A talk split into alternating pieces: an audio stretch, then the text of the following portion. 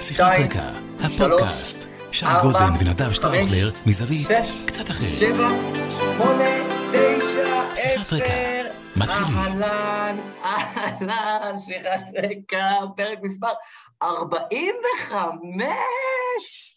אני נדב שטראוכלר, ואיתי פה בקוקפיט שייקה, הידוע בכינויו, שי גולדן is in the house. עכשיו, נכון. מה זה. מה זה 45 בגימטריה? תן לי את זה. מ"ה, שזה מה, מה? אבל גם זה מה, 45 זה מה, מה, מה? מה, מ"ה, מה? אבל זה גם הם. והם זה אתן ואתם. הם, המאזיניות והמאזינים שלנו והצופות והצופים שלנו, זה הם. אז אם אתם שואלים מה, הסיבה היא הם. אתם. הנה 45, קיבלתם. בבקשה. סחטיק, סחטיק, סחטיק. סחטיק. ואיתנו נגיד רני אשל מאחורי הקלעים, עושה אה, קסמים, והולך להשתלט פה על האירוע הזה, על כל הבלגן טירוף של. אה, אולימפיאדה וזה, הוא באמת, הוא עובד בערוץ הספורט, באולימפיאדות, עורך, משדר, דברים מטורפים, רני אשל מחזיק לכם, כל מה שאתם רואים בטלוויזיה, ערוץ הספורט, אומרים ייי! זה רני אשל, איך שהוא קשור, אז... בדיוק. והיום יש לנו אורח מעניין מאוד, מסקרן מאוד, שאני מאוד מחכה לשיחה איתו, ואני חושב שהיא תהיה שיחה מאוד מאוד מעניינת, ואגב, טיפה אחרת, אנחנו כאילו נעשה אותה טיפה אחרת. יש אה, פה משהו אה, אמיתי, משהו מוזר. כן, כל פעם שאני שומע את המילה בצלאל, את השם בצלאל, אני חושב על שוק בצלאל שסגרו אותו כבר, שהיה פשוט שוק הפלאפל הכי טוב בישראל, ליד אה, שנקין שם וזה, אתה יודע איפה היה שוק בצלאל? בהחלט. וחבל. אני, רוצה, אני קורא ליזמי הנדל"ן בתל אביב ויזמי חיי הלילה, תפתחו את שוק בצלאל 2021. מה ביקשנו? מה ביקשנו? קצת שוק בצלאל, מה כבר ביקשנו? מה ביקשת? שוק בצלאל. נגיעה. עכשיו, אה, אנחנו בפרק אה, כמובן עם אורח וכיף ועניינים וזה, אז אנחנו נתחיל עם סוגיות קטנות ואחר כך נעבור למנה העיקרית, אבל כתמיד, אנחנו מתחילים עם פרק החוצות, ואני, אתה רוצה שאני אתחיל? כי אני סקרן מה שיש לך שם. אני... טוב, זוכר שאמרתי לך, הכנתי מיוחד ל-44 וזה וזה וזה? מה כתוב? 44. אז זה היה אמור להיות שבוע שעבר, ולא היה קונטקסט, כי שבוע שעבר אי אפשר, אה, מה, מה התחילה האולימפיאדה, נגמר היורו, גמר NBA, היה מה שהיה, זה לא היה קשור. אבל במקרה, זה מסתדר. מי זה 44? זה קבוצה, הוא שיחק בכמה קבוצות, ביוטה, באטלנטה, בבוסטון, בוא נראה אם תזהה. לי אגדה, זה. תקשיב, כשאני אומר אגדה, תחת הערך אגדה במילון, יש את הפרצוף של האיש הזה. שים לב. תן לי, תן לי, תן לי, תן לי, תן לי. מה כתוב? Pistol? Pistol Pete, Pistol Pete מרביץ' הגדול. שמעת את השם הזה פעם? פיט מרביץ'? אז אני אספר לכם מי זה. תן לי. תן לי. אני מכיר פיסטולרו, pistol זה אקדח. אז Pistol Pete, שהוא פיט סמברס, מכונה בכלל שמו של פיט מרביץ'. אספר בקצרה. פיט מרביץ', אה, ילד שנולד במזרח הברית, לאבא שהיה מאמן כדורסל לא נורא מוצלח בתיכונים, שמהיום שהילד יצא מרחם אמו, הוא אמר, הילד הזה, אני אהפוך אותו לשחקן כדורסל הכי טוב בעולם. אמר, וכך עשה. ומגיל אפס כדור, ב, אה, כדור בערסל שלו, ובאמת רואים רק כדורסל, ומגיל שנה הוא מלמד אותו מהלכים והגנות, באמת, פשוט נכנס אותו לעניין. והילד הזה בגיל שנתיים, שלוש, הוא שולט בכדור יותר משרכזים בליגת העל שולטים. לאבא שלו היה קטע, ראיתי סרט דוקומנטרי עליו, ככה אני יודע את רוב הפרטים. אה, סרט מדהים, אגב, חפש לך אותו ביוטיוב, לדעתי יש אותו ביוטיוב. לאבא שלו היה קטע שהילד היה מגיל שש, הולך לבית ספר עם כדור בהקפצה.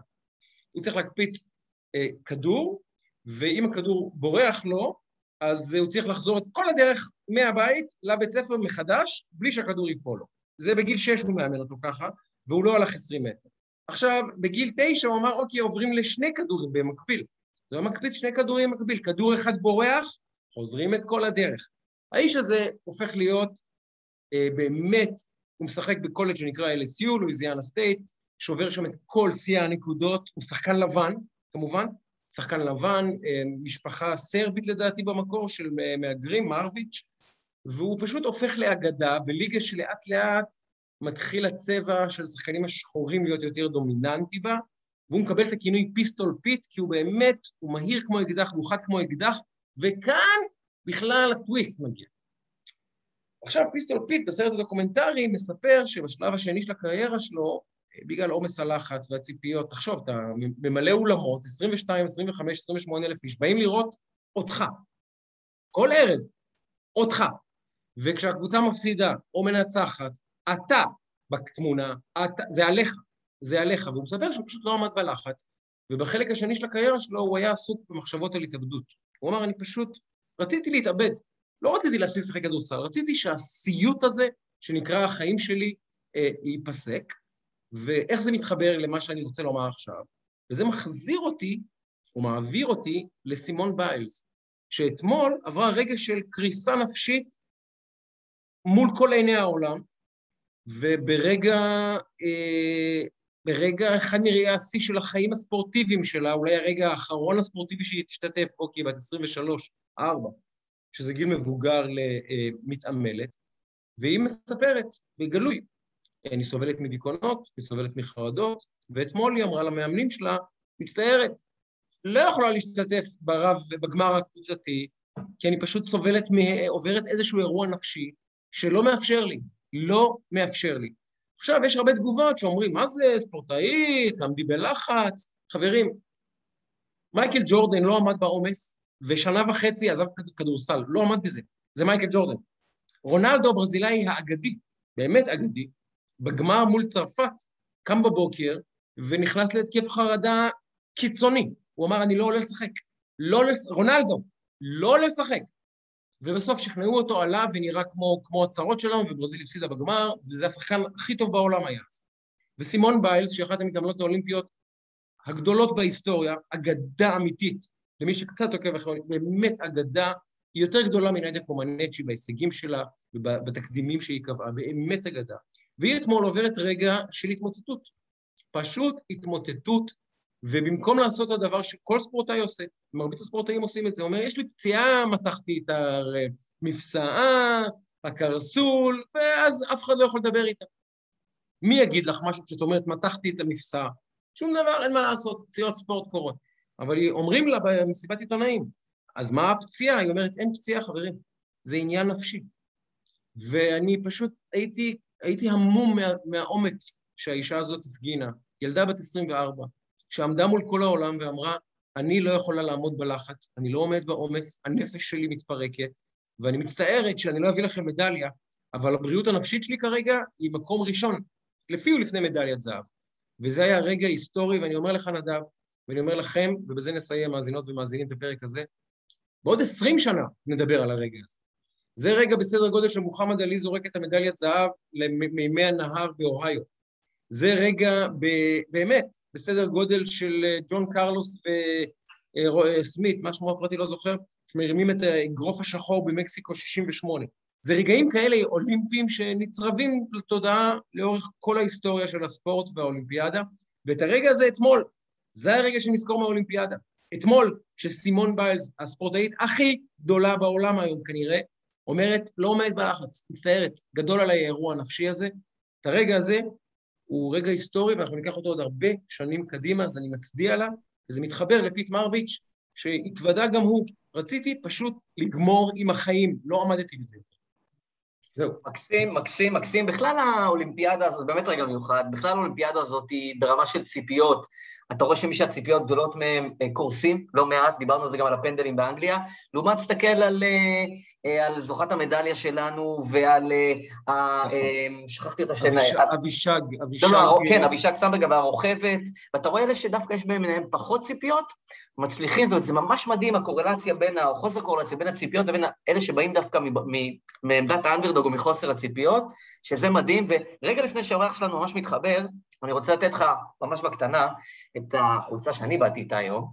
היא חולצה מאוד מיוחדת ומגניבה במיוחד, נראה אם אתה מזהה את הסמל. קודם כל, זה אירי, כי יש פה את התלתן של הסלטיקס, אוקיי? סלטיק, הקלטים, התרבות האירית העתיקה נקראת קלטית, ולכן סלטיקס זה אירי.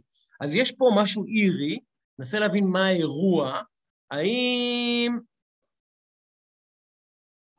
אה, סלטיק בעצמם. You never walk alone המקורי, יש לנו היום שחקן ישראלי עם פוטנציאל ענק שהגיע למועדון הזה, זה המועדון, אחד מהמרגשים ביותר בכדורגל העולמי בעיניי, סלטיק, סלטיק הסקוטית, סלטיק, אה, שזה בעצם המאבק הגדול ביותר בסקוטלנד בין סלטיק לריינג'רס, מאבק מאוד יצרי, מרגש, מדהים.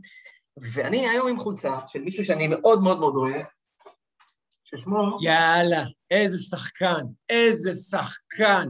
הנריק. עם הרסטות הבלונדיניות. הנריק, הרסטות הבלונדיניות לארסון, שזה באמת ריספקט, אחי, ריספקט, זו חולצה של ריספקט.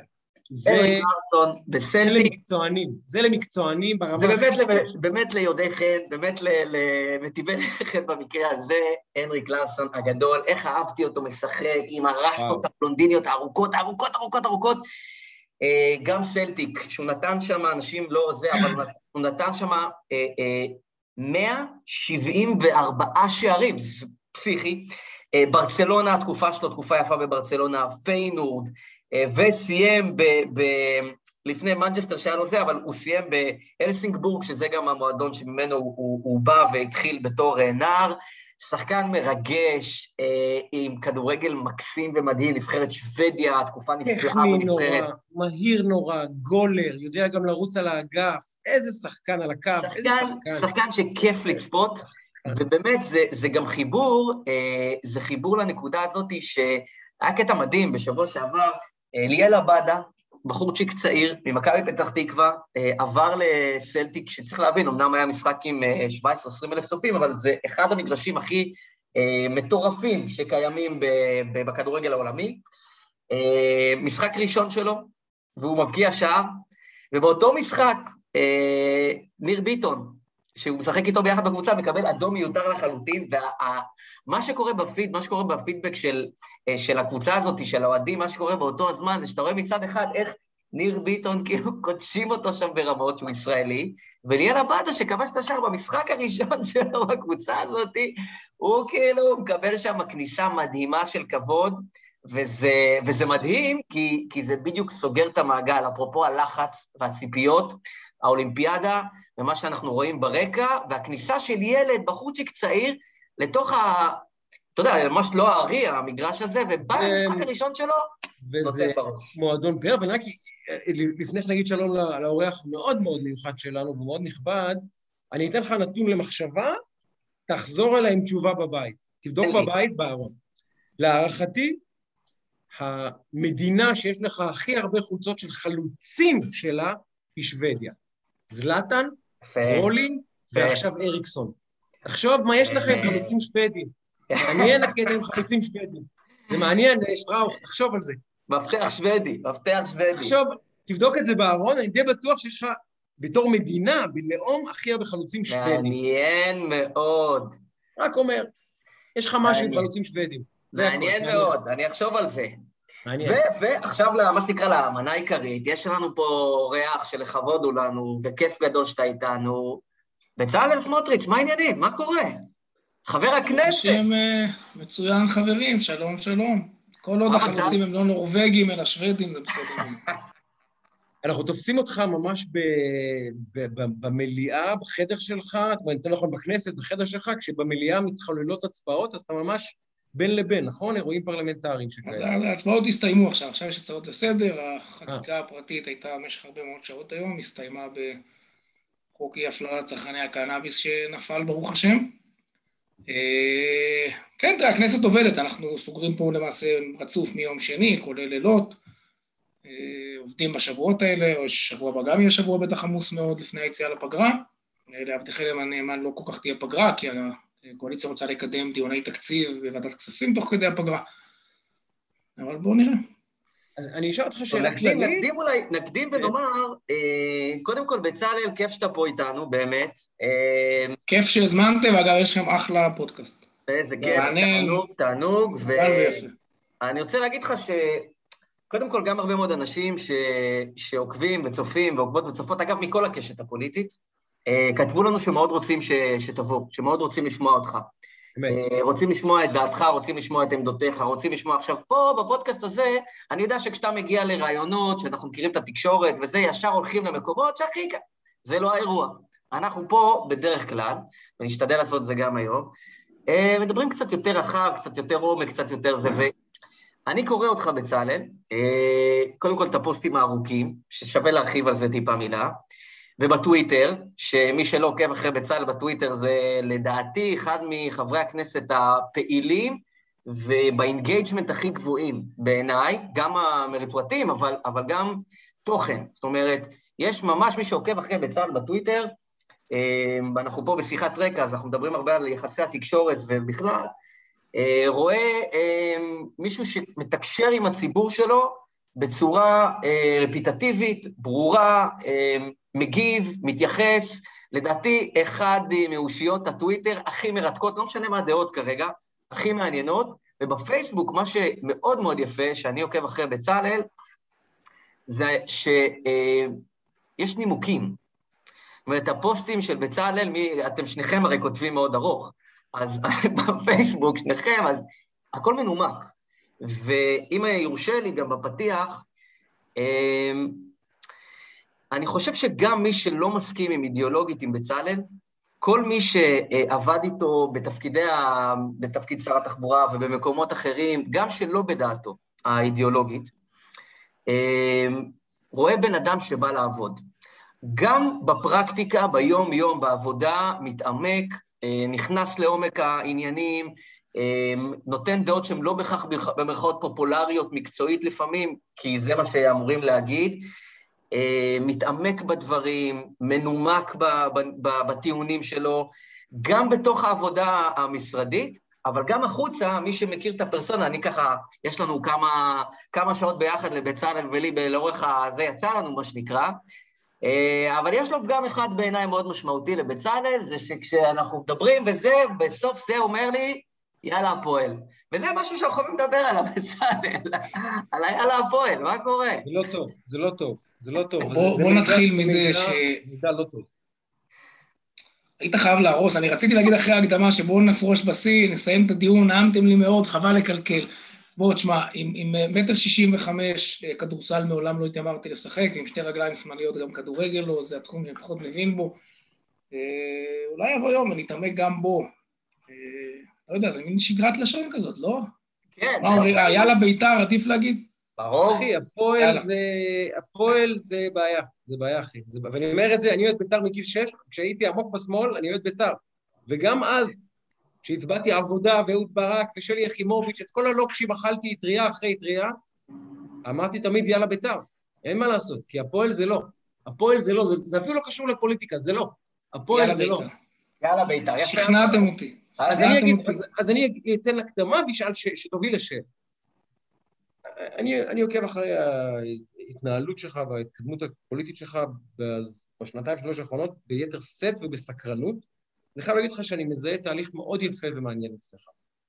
יישמע מילה כזאת של יומן נוער או של סמדר שיר, אבל היא, היא יש בה עומק. אה, התבגרות אמיתית, ציבורית, פוליטית, בעיקר של הנראות והפרסונה. אנחנו זוכרים את מר סמוטריץ', שהיה יותר נלהב, יותר נמרץ, טיפה פרובוקטור, ואדם שכשהוא אה, נכנס, אני חושב שהמעבר שלך לתפקיד שר, פשוט אימצת את הממלכתיות, אימצת את המקצועיות, אימצת את הרצינות, אימצת, אני מדבר על הנראות הציבורית. אני לא אומר שהיית פחות רציני או פחות uh, מחויב קודם, אבל ברמת הנראות הציבורית, uh, לבשת את החליפה הזאת, גם הסמלית וגם המעשית, בצורה שעשתה לך מאוד מאוד טוב, התבגרת לנגד עינינו, ואתה עכשיו נמצא בפוזיציה פוליטית שבעיניי מעניינת מאוד, כי אתה בדרך לעבור לשלב הבא אם הכל יתנהל בעזרת השם בסדר, בקריירה הפוליטית שלך, ככה אני מעריך. וזה יהפוך להיות ראש של קבוצה פוליטית גדולה בישראל, שאינה קבוצת uh, שוליים אידיאולוגית, אלא קבוצה שכמעט, uh, יש לה, יש לה uh, uh, ממש נוכחות משמעותית במיינסטרים, ואתה כנראה תהיה זה שיוביל אותה. האם אתה חושב על זה, שבתור פרצוף של קהל כנראה די גדול שעומד להתייצב מאחוריך בשנה, שנתיים, שלוש, חמש הקרובות, יש לך גם איזושהי, אה, יש משמעות לנראות, לפרסונה, לנוכחות הציבורית והתקשורתית שלך. וואו. תראה, קודם כל, יפה שאמרת בגרות זה לא הזדקנות, כי הצבע הלבן לא היה בכנסת העשרים. אני לדעתי מבוגר ממך, אז זה בסדר. כן, כן, כן, זה מאוד מעודד, צרת רבים זה מאוד מעודד. כן, ממש. אה, תראו, אני, אני רוצה להסכים ולא להסכים, קודם כל בניתוח העבר. אה, לא כל כך נוח לי לדבר על עצמי, אבל אני, אני בכנסת העשרים הייתי ארבע, ארבע שנים חבר כנסת, אה, שמיני משמונה, כן, הספסל האחורי, וחוקקתי הכי הרבה חוקים של חברי כנסת שהוא לא יושב ראש ועדה, מי שהוא יושב ראש ועדה מחוקק הרבה חוקים, 13 חוקים הצלחתי להעביר בקריאה שנייה ושלישית, אה, ואני חושב שחוקים משמעותיים, בין אם זה חוק ההסדרה והסדרת חטיבה להתיישבות ומניעת כניסת פעילי BDS ושקיפות עמותות שמקבלות מימון מישויות מדיניות זרות וכולי, אה, אני חושב שעבדתי קשה והייתה לי כנראה גם סייעתא דשמיא גם כשהייתי חבר כנסת, ואני חושב שהרבה מהתדמית שנבנתה לי הייתה תוצאה של דמוניזציה שהיו מי שעשו לי בצורה מכובדת. היו פעמים שחשבתי שעושים את זה אה, כי קשה קצת להתייחס ולהתמודד עם הטענות לגופם, כי אני באמת משתדל, כמו שנדב אמר, להיות מנומק, אגב, אני מאמין בזה, אני מאמין שאני שליח ציבור, ואני עובד בקלפים פתוחים לחלוטין. אני לא אדם שמתדרך בדרך כלל עיתונאים מאחורי הגב, ואני לא עושה כל מיני מהלכים, אני, אני שקוף לחלוטין, אני כותב את הרציונליים של המהלכים הפוליטיים שלי, ואת הרציונליים של המהלכים האידיאולוגיים שלי, באמת משתדל, משתדל להיות הכי שקוף בעולם, כי אני שליח ציבור בסוף. אני חושב שהציבור ששולח אותי, אה, צריך לדעת בדיוק מה אני עושה ולמה אני עושה, ואגב מותר לו, והרשתות, צריך לומר, בהקשר הזה הביאו הרבה ברכה. יש גם תופעות לוואי, ו... אבל הם הביאו המון ברכה בכלל ביכולת שלנו להשמיע את הקול. אני אגב כופר לחלוטין בגישה שמדברת היום על שנאה ופילוג ושסע, החברה הישראלית לא, כן, לא יותר מפולגת ולא פחות מאוחדת מבשנים קודמות, אולי אפילו עוד יותר. מה שכן, במשך הרבה מאוד שנים היו כלי תקשורת ממסדיים שנשלטו, כן, השמאל שלט במיקרופונים במדינת ישראל, והוא החליט מה אפשר להגיד, כן, מה כולנו אמורים לשמוע ולחשוב, אז הייתה תחושת אידיליה של שקט, של אחדות, והרשתות אגב, זה, זה בא ביחד עם כלי תקשורת נוספים שהתפתחו לאט לאט, אבל הרשתות בהחלט נתנו יכולת ביטוי גם לקולות אחרים, אז פתאום התחושה היא של איזה הייד פארק כזה שיש בו ויכוחים ומחלוקות, המחלוקות היו תמיד, רק צד אחד יכול היה להביע את דעתו וצד שני די הושתק. אבל הרשתות גם בהחלט נותנות יכולת לאינטראקציה עם הציבור. אני כותב, אני מקבל תגובות, אני קורא, לא תמיד אני מספיק להגיב כן, בשרשורי משנה. אבל יש איזושהי אינטראקציה בעיניי, שוב, מאוד בריאה. ובצלאל, הכי חשוב, ללא תיווך, אתה שולט במסר, אין באמצע עורך או כתב או מגיש, אתה שולט במסר. אבל אני, אני רוצה רגע עוד, אבל רגע, אבל עוד לפני המסר, בדיוק באתי לתת רגע דוגמה ממשרד התחבורה. כשאני נכנסתי למשרד, הרי לא, באמת לא הבנתי כלום בעולם תחבורה. כשביבי בא אליי ואמר לי, בוא תהיה שר תחבורה, לא ידעתי אם לצחוק או לבכות, בקושי רישיון נהיגה יש לי. ומהר מאוד כשנכנסתי והתחלתי ללמוד, אמרתי, אני לומד מארבעה כיוונים את המשרד. אני לומד מהנהלת המשרד, יש לה ודאי את הפרספקטיבה שלה על המשרד, אנשי מקצוע, עם זיכרון ארגוני, עם ידע, עם תפיסה מסוימת שאפשר לקבל ולא לקבל. אני לומד מה, מהעובדים, מאוד הקפדתי פעם בשבועיים, הייתי יושב לארוחת צהריים, עובדים, מה שנקרא, פשוטים, בסדר? כל פעם קבוצה אחרת, ומנסה ללמוד מהם, ולא מעט תובנות גיבשתי מהם. מכתבי תחבורה וכל מיני עמותות שמקדמות היום אה, תחבורה ציבורית וכולי, שגם יש את הפרספקטיבה, אבל הרבה מאוד מהציבור. כשאני פרסמתי את המספר הטלפון שלי באותו לילה של ההפגנות של הקהילה האתיופית, ואמרתי מי שנתקע בלי אוטובוס תחזרו, אה, המטרה הייתה, כן, המטרה של הנגישות הייתה באמת לתת שירות, מי שנתקע בין אם באיזה סבך בירוקרטי בלתי אפשרי או לא מקבל שירות, או, או... התוצאה אבל הייתה שאני חושב שזה היה אחד מהווקטורים הכי משמעותיים שלי ביכולת הלמידה של המשרד, זאת אומרת להבין את חוויית משתמש הקצה אני הרי אמור לתת שירות, זה לא חשוב אם השירות הזה הוא כביש או תחבורה ציבורית או משרד רישוי או, או, או לימודי נהיגה. והיכולת להבין את המשרד דרך חוויית משתמש הקצה תרמה לי המון המון המון לתובנות. אני פתאום רואה שאני מקבל המון המון פניות בנושא מסוים, אני מבין שיש פה איזה משהו שצריך לבצע בו העמקה. אני חושב שגם היום האינטראקציה שהרשתות מאפשרות לי כשליח ציבור עם הציבור, גם עם זה ששלח אותי וגם עם זה שחלוק עליי, לא רק מאפשרת לי, שי, כמו שאמרת, לשלוט בהעברת המסרים, היא גם מאפשרת לי באמת לייצר אה, דיאלוג אמיתי, ולפעמים לשנות את דעותיי, ולפעמים לקבל תובנות שלא חשבתי עליהן קודם, ולפעמים להבין רגע איך הציבור תופס אותי, איפה זה טוב, איפה זה לא טוב. עכשיו, טוב, צריך הרבה לעבור את אמות מן התבן, ולדעת ל... אה, להתעלם מכל מיני רעשי רקע של חרפות וגידופים שיש לא פעם ברשת. גם את זה צריך לומר, הצביעות הגדולה של התקשורת, שכל פעם כשאיזה מישהו מהשמאל מקבל איזה רבע איום בזה, מיד מצמידים לו מאבטחים וכולם עסוקים בזה, מי שייכנס אליי לדף ויראה את הקללות והאיחולים שאני מקבל לאשתי, לילדיי ולי, אז בסדר, כשלומדים לנקות את רעשי הרקע וכן להבין רגע איפה יש תגובה אמיתית ששווה להתאבק בה, אני חושב שהשיח הזה הוא שיח שתורם המון המון לליבון ולקשר בינינו כשליחי ציבור, כחברי כנסת, כשרים, עם הציבור שאותו אנחנו צריכים לשרת. וזה, זאת צריכה להיות התפיסה, אנחנו בסוף משרתים ציבור. אני נמצא בתפקיד שלי, זה לא חשוב כרגע באיזה פוזיציה, בפוליטיקה, כדי לשרת ציבור שמשלם לי משכורת, ואני אמור לספק לו את הסחורה. אז אני מספק את הסחורה במישורים מסוימים. אה? ולצד זה, לצד זה, שנייה לפני שאתה... כן. כי זה כן. מחדד גם, זה גם מתחבר למה ששי העלה וגם מתחבר למה שאתה אמרת. אנחנו פה בסוף קמפיין הבחירות, לפני שהיה זה, הכתרנו את הקמפיין שלך לקמפיין המוצלח ביותר במערכת הבחירות האחרונות, ונימקנו את זה אגב ארוכות, לא נחזור. נדב גם אמר בזמן אמת, אה, הפתעת הבחירות תהיה אה, בצלאל, פשוט, פשוט אה, תתכוננו לאירוע, הוא אמר את זה שבועיים שלושה לפני הבחירות, כשהיה באמת בוקה ומבולקה ואיש לא הבין בכלל מה הכיוון, הוא אמר, בצלאל תשימו עליו לב כשהתנדדתם, ממש התנדדתם בסקרים, והוא אמר, הם יפתיעו, הם לא רק יעברו, הם גם יעברו עם רגל יפה בפנים. בזכותו של נדב נאמר. ובתוך זה, אני חושב אבל שלצד, זאת אומרת, מה שישר אומר בהקשר הזה של הכאילו התבגרות או של הפרסונה החוצה, זה שבכל זאת זה די ייחודי. פעם אחת, אני חושב, אגב, שאולי רעיון השנה, והייתי אומר לך אחרת, אתה מכיר אותי קצת, הייתי אומר לך גם אחרת, היה הרעיון שלך באולפן ב-13, נדמה לי זה היה עם איילה, כשליברמן היה באולפן. שמע, נתת שם רעיון לפנים, באמת, רעיון לפנים, מדויק מאוד וחד מאוד, ואני חושב שזה מתחבר גם, כי אני לא חושב שלפני, בצלאל שלפני שלוש שנים היה נותן רעיון כזה. אני לא חושב. אז אה, פה, פה אני רוצה רגע להתחבר למה שאתה אומר ולחזור רגע למה שאמר אה, קודם שי, כי, כי אמרתי שאני מסכים ולא מסכים. אני חושב שחלק מהתדמית של נבנתה לי הייתה תוצאה של דמוניזציה, הפכו אותי לדמון, היה מאוד נוח לדבר על סמוטריץ', הקפידו גם לא בחולם חס וחלילה, כן, הסמוטריץ' הזה. אגב, בואו נאמר את האמת, זה גם בנאווה, יש ח"כים שמסתובבים פה חמש שנים, אף אחד לא יודע מי הם, סמוטריץ' כולם ידעו מאוד מהר מי זה. ועכשיו, זה, זה נכון שהתפקיד עושה את הבן אדם, זאת אומרת, הזמן והבגרות זה לא, זה לא מילה מגונה, זאת אומרת, הניסיון וההבנה ולמידת כללי המשחק, ההבנה איך לומר, מה לומר, בסוף כולנו רוצים להשפיע ורוצים שהדברים יהיו נשמעים, אז יש מה לומר, מתי לומר ואיך לומר ומה להיזהר מלומר לא כן, לא מאמין, כי אני בסוף רוצה להשפיע ואין עניין סתם לומר כדי לומר. ואני חושב שגם התפקיד, העובדה שהפכתי ליושב ראש מפלגה, תראו, בבחירות האחרונות פעם ראשונה עמדתי בפרונט, אני מוכרח לומר שהיה לי מאוד מאוד קשה עם זה.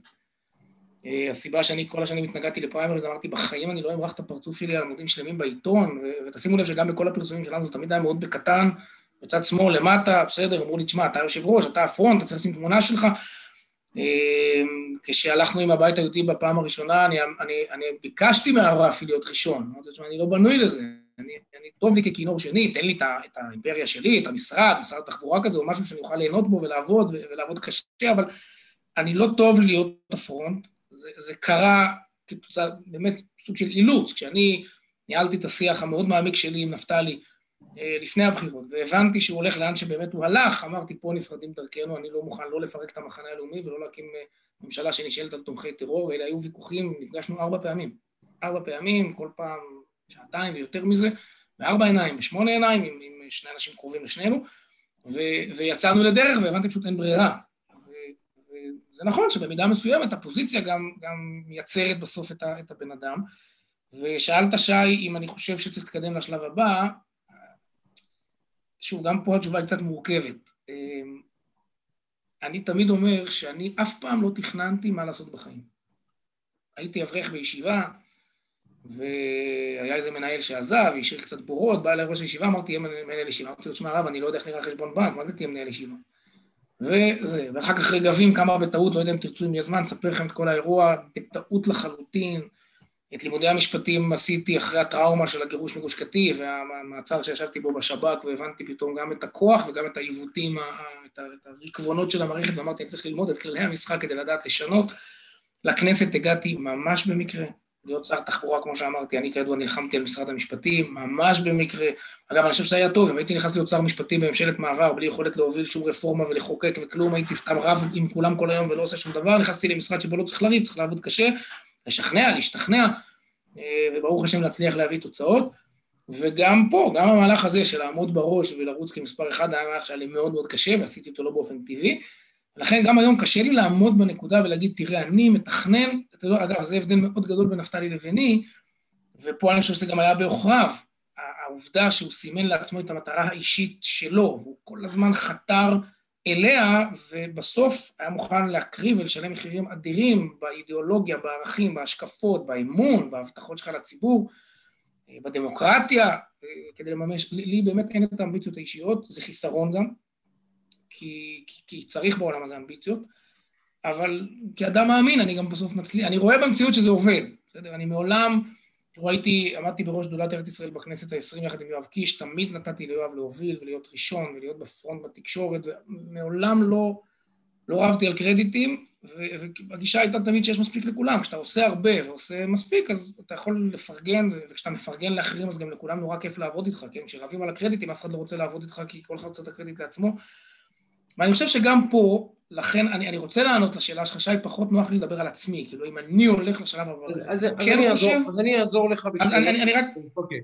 אני, אני כן חושב שיש היום אה, ואקום גדול שצריך למלא אותו, הליכוד הוא ליכוד, אני שותף איתו היום באופוזיציה, גם זו הייתה אחת מההבטחות, אמרתי לא לממשלה עם רע"מ, אבל גם אמרתי אני בשום פנים ואופן לא מפרק את המחנה הלאומי ולא אה, מפנה עורף לשותפים הטבעיים שלי בציבוריות הישראלית, אבל, אבל הוא לא נותן מענה, אנחנו רואים שהרבה מאוד אנשים ישבו בבית ולא הלכו להצביע בבחירות האחרונות, המון אנשים דווקא במואזי ימין, במואזי ליכוד, אה, נפתלי לא יודע לתת מענה לדבר הזה היום מכיוון שהוא באמת לא ימין ועשה מה שעשה, ויש פה צורך, והצורך הזה ידרוש ממני גם התאמה של תחומי עיסוק ושל שיח ושל מסרים, ואני חושב שגם גיוון אמיתי, לא טכני, כדי שבאמת אותם אנשים יצליחו להרגיש בבית, ולא רק אנשים שהם דתיים באורחות חיים האישיים. כן מפלגה שיש לה תפיסת עולם ערכית מאוד ברורה, זאת אומרת, אני חושב שאחת הבעיות הכי קשות, שוב, זה שכשהאידיאולוגיה הופכת לכלי למימוש הפוליטיקה. אצלנו זה עובד הפוך, יש אידיאולוגיה, יש תפיסת עולם מאוד מאוד ברורה, גם כשאני מדבר עם אנשים, נניח כמו רועי עידן, שנורא נורא קשה להם עם לא מעט עמדות שלי בתחום הדת בעניין, אבל תראה, בסוף רועי, גם אתה תצטרך לבחור בין עיקר לטפל, אתה לא חייב להסכים איתי על, על הכל, אבל, אבל כשאתה שם את קו פרשת המים של החברה הישראלית היום, אגב, היא ממש לא בין ימין לשמאל, היא בין מדינה יהודית ודמוקרטית למדינה, אה, מדינת כל אזרחיה חילונית פרוגרסיבית. ו, ואני חושב שבקו פרשת המים הזה, אה, יש ואקום מאוד משמעותי של, של מפלגה, מפלגת ימין, אידיאולוגית, אמיתית, שורשית, אה, שהרבה מאוד אנשים יוכלו לראות בה את, ה, את הבית שלהם. שוב, כגישה, אני לא חושב שאני אשנה את דעותיי, אני כן אתן מקום ואהיה חייב ללמוד להכיל גם אנשים שחושבים אחרת בתחומים שבהם אין הסכמה בתוך המחנה הזה. אני חושב שהעניין הוא כזה, תראה, אפיזודה כמו של נפתלי בנט, אני מקווה, מתפלל ומאמין שלא נראה, לא נראה יותר לעולם, לאו לא דווקא בגלל האיש עצמו, בגלל שאדם עם אה, שישה נקודה שלושה מנדטים, כמה שיש לו בממוצע שם, אה, לא יכול להיות ראש ממשלה, זה פשוט לא תקין, לא סביר, לא בריא, לא נכון, לא שום דבר. ואגב, אנחנו רואים גם איך הממשלה הזאת נראית, וגם יותר מזה, מה שנפתלי בנט לא מבין, זה, בדיוק היום דיברתי על זה ברדיו, הוא, אתה רואה את ראש הממשלה ואתה אומר, זה לא ראש הממשלה, לא ככה נראה ראש ממשלה. עכשיו נגיד אולמרט, שבעיניי היה ראש ממשלה מזעזע, אה, אמרתי, ככה נראה ראש ממשלה, האמנתי לו שהוא ראש ממשלה. ברק, שעוד לא הצבעתי, הוא ראש ממשלה מזעזע ממש היה, עדיין נראה כמו ראש ממשלה. לבנט, ואני באמת לפני הכל אדם של, אה, של, אני בעיקר סופר, אז אני מסתכל על אנשים כעל דמויות, מנסה להבין את הנרטיב ואת הקונטקסט שבו הדמות פועלת. אז אני מסתכל גם עליך כעל, כעל פרסונה, הרי אנחנו לא מכירים, נפגשנו אולי פעם אחת באיזה אולפן, לא מכירים בכלל. ואני אומר לך שאני מרגיש שהתהליך של האבולוציה של הפרסונה התקשורתית שלך, שיש לה בעצם שני היבטים. אחד, האחריות שלך לנראות הזאת. איך אתה מתבטא ברשת, איך אתה מתבטא באולפן טלוויזיה, איך אתה מתבטא בפודקאסט הזה, זה השלך כבר. איך אתה מתלבש, האם אתה נותן למאבטחים אה, לגרור אותך מדוכן הכנסת, מדוכן הנואמים או לא, זה שלך, בשליטתך. יש דברים שהם לא בשליטתך, שאותם אה, אפשר לקרוא להם מהנדסי התודעה, מעצבי התודעה, מתווכי התודעה, איך שאתה רוצה לקרוא להם, מנהלים. עכשיו, מהנדסי, מעצבי, מתווכי, הפכו אותך לילד הרע, לפרובוקטור שנשכב על, אה, על הכביש והולך מכות עם מג"בניק. ולקח לך זמן, והצלחת בזכות עבודה קשה ועבודה יפה מאוד, גם ברשתות וגם בנראות שלך בזירות הרשמיות, לעשות שינוי יפה מאוד, שגם, ואני אומר לך, אני בתוך השמאל ואני עדיין בתוך השיח ואני מכיר הרבה אנשים, אני אומר לך עכשיו מבפנים, מה שנקרא, שהציבור של השמאל, ואני מדבר על המיינסטרים של השמאל, על הפלנגות אני לא מדבר, הפלנגות בשבילם כולנו האויב, זה לא משנה, זה, אין, אין עם מי לדבר ואין על מה לדבר. אבל הם חמישה אחוז, הם לא מעניינים. אני מדבר על המיינסטרים של השמאל ועל המיינסטרים של המרכז, לא מפחד ממך. הפסיק לפחד מבצלאל סמוטריץ'. והניסיון הזה של להפחיד אותנו בבצלאל סמוטריץ' הסתיים, וזה הרבה בזכותך והרבה בזכות המתווכים של התודעה. אבל, וכרגיל השאלות שלי יותר ארוכות מהתשובות של כל מי שאני שואל אותו, אבל בכל זאת, עכשיו אתה נמצא באתגר בעיניי מרתק בבניית הדמות הזאת והנראות שלה. אז יש את מה שאתה תעשה, ואתה לדעתי עושה עבודה יפה. אה, ויש מה שהאנשים האחרים יעשו, מהנדסי התודעה, מתווכי התודעה, שזה גם התקשורת, אבל גם הרשתות החברתיות, יש מובילי דעת קהל וכולי וכולי וכולי.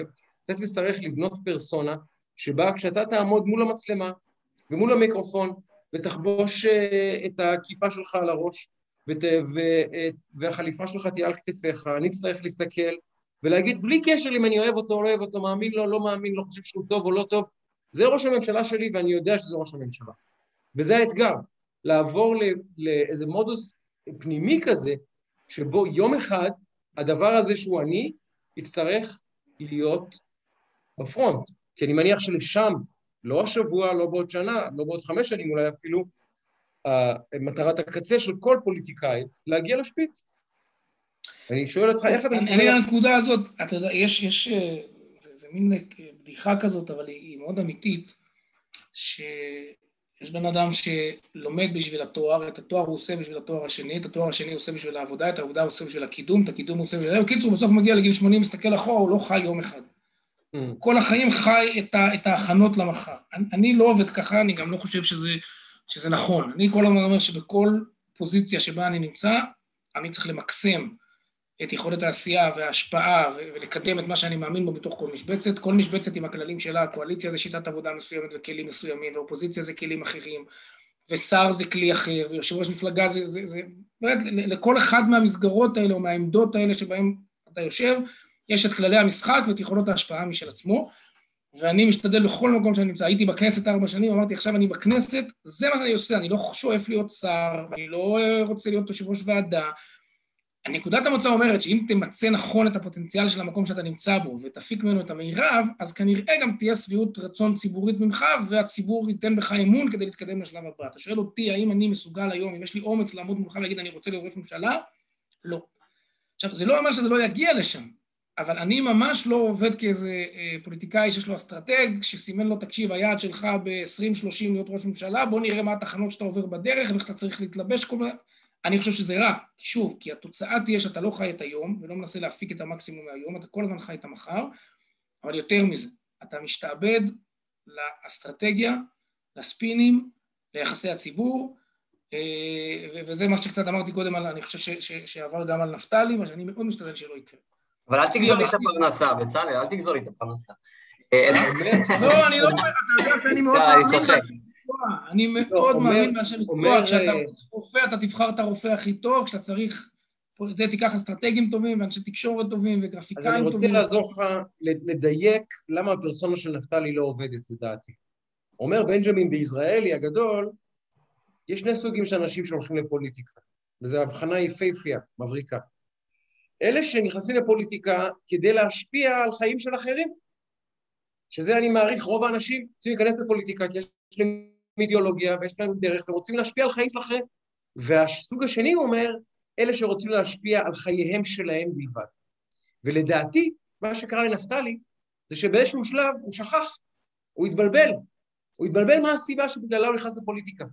כי אני מאמין מעומק הלב שהוא נכנס לפוליטיקה ממקום של להשפיע, לשנות, לקדם את הדרך והאמונה שלו והאידיאולוגיה שלו, האמנתי לו.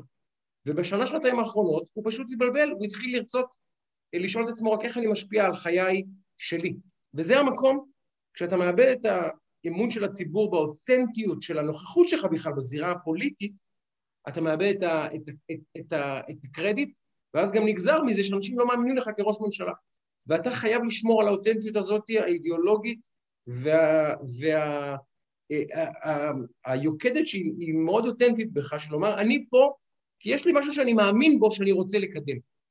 והמשהו הזה הוא לא הקריירה שלי, והוא לא התפקיד הבא שלי, והוא לא השליטה בעם ישראל ובכנסת ישראל ובממשלת ישראל. ואם תצליח לשמור על זה, בסוף תגיע גם לשם. נפתלי שכח, הוא פשוט שם כמו סוס. אני אגיד לך אבל משהו, שי, וזה הרמה, פה לבצלאל.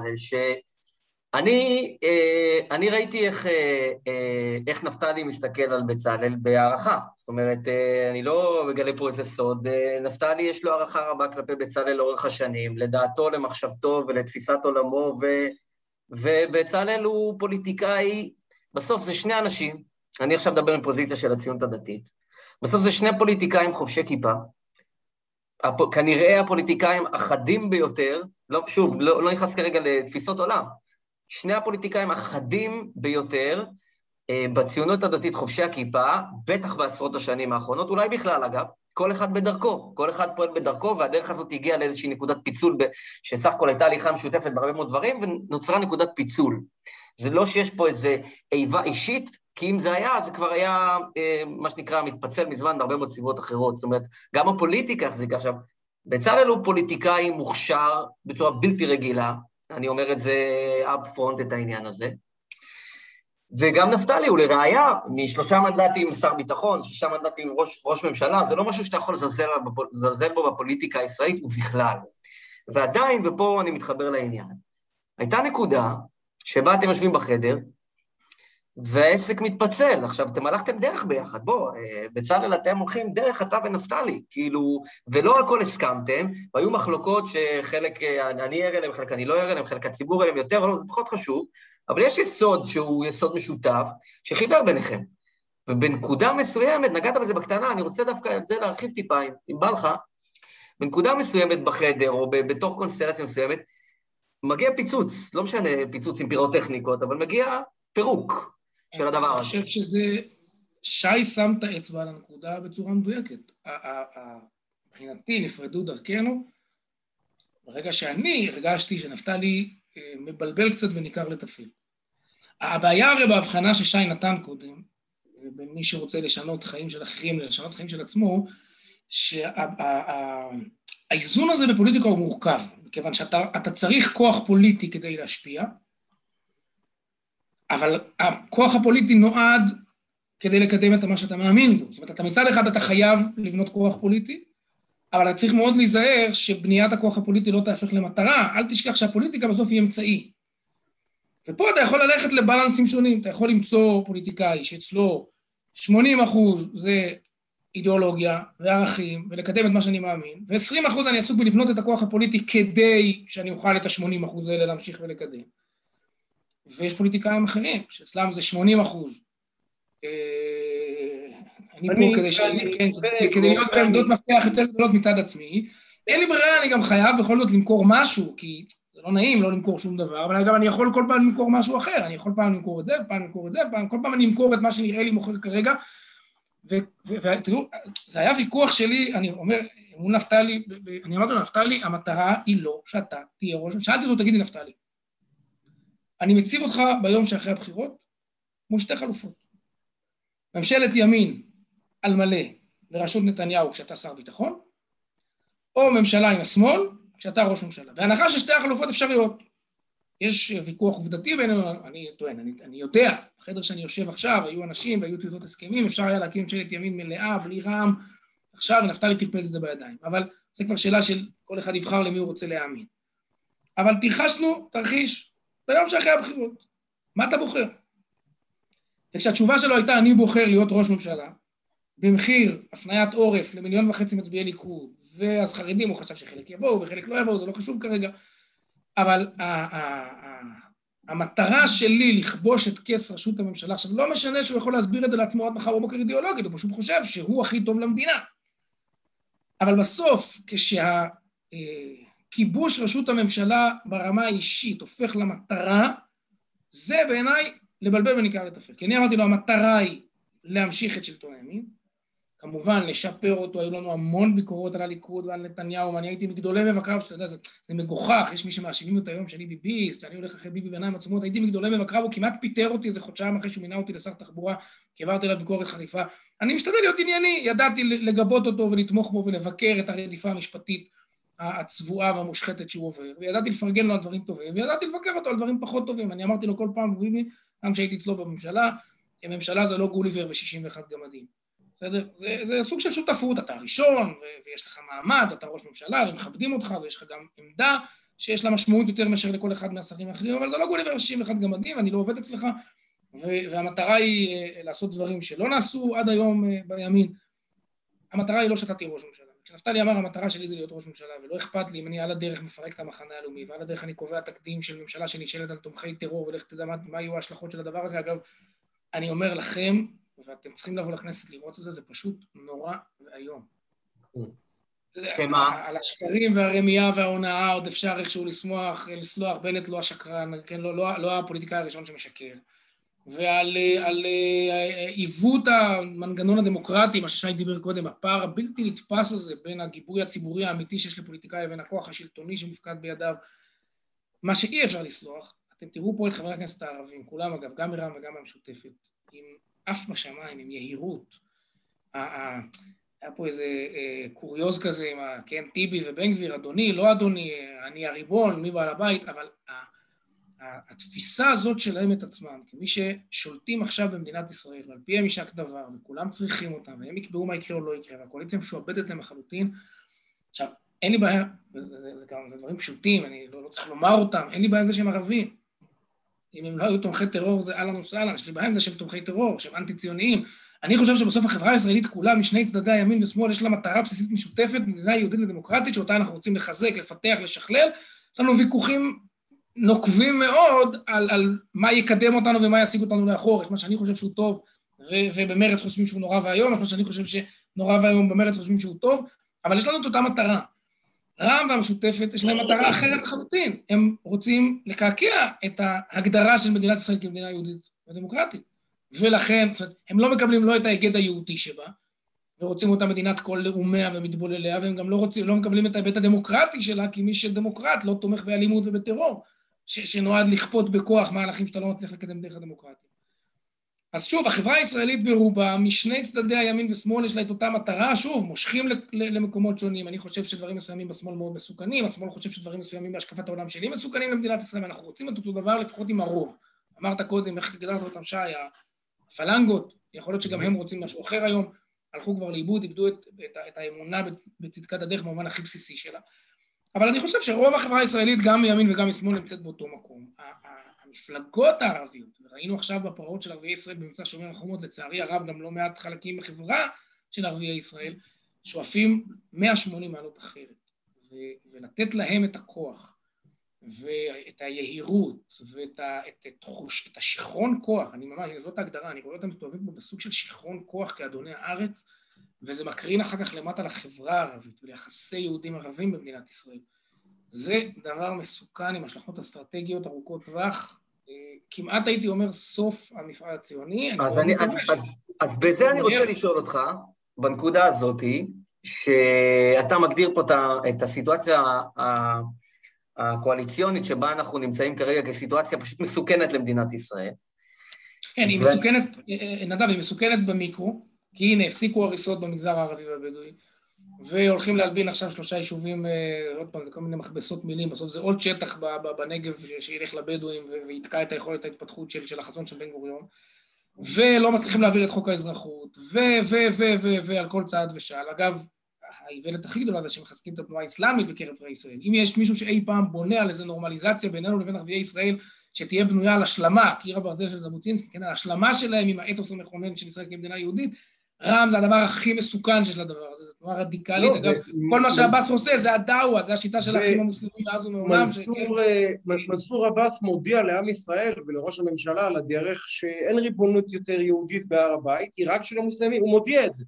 הוא מודיע. זה הבעיה שי הכי קטנה. שי זה הבעיה הכי קטנה. מנסור עבאס בחוכמתו, והוא גאון, רוצה את האחריות על הבריאות והחינוך והרווחה והתרבות והמינויים של האימאמים במסגדים. אגב, ככה חמאס נבנה בעזה. חבר'ה, לכו לשנות ה-70. חמאס זה התנועה האסלאמית, סניף עזה. הוא קם אחרי הסניף הישראלי. ומדינת ישראל שמתמודדת אז עם ארגון טרור, אש"ף, ברצועת עזה, מזהה גורם מתון. איזה יופי, בואו נחזק אותו. ומחזקים אותו. ומה הוא רוצה כדי להתחזק? רק עיסוק בשאלות אזרחיות. אבל ככה הוא בונה כוח, הוא מתעסק באותה פעילות דעווה, ושובה את הלבבות בחברה העזתית. ובשנות ה-80 הוא הופך לארגון טרור, ו-20 שנה אחר כך הוא משתלט על רצועת עזה וכולנו חווים את זה עד היום. ולקחת היום את התנועה האסלאמית, שהגורם הרדיקלי ביותר בחברה הערבית הוא גורם איסלאמיסטי, קיצוני, לאומני, דתי, פונדמנטליסט כמעט הייתי אומר, בהשקפת העולם שלו, הוא חכם, מתוחכם, הוא יודע להחביא את זה, זה חלק מהמתודולוגיה של התנועה האסלאמית מ-1924, כשהיא הוקמה אי שם באליסמליה, זה השיטה שלה בכל מקום בעולם. תצבור כוח מלמטה בשקט, בשקט, בשקט, בשקט, דרך העיסוק בשאלות האזרחיות, וכשיש לך כוח, אז תשתמש בו.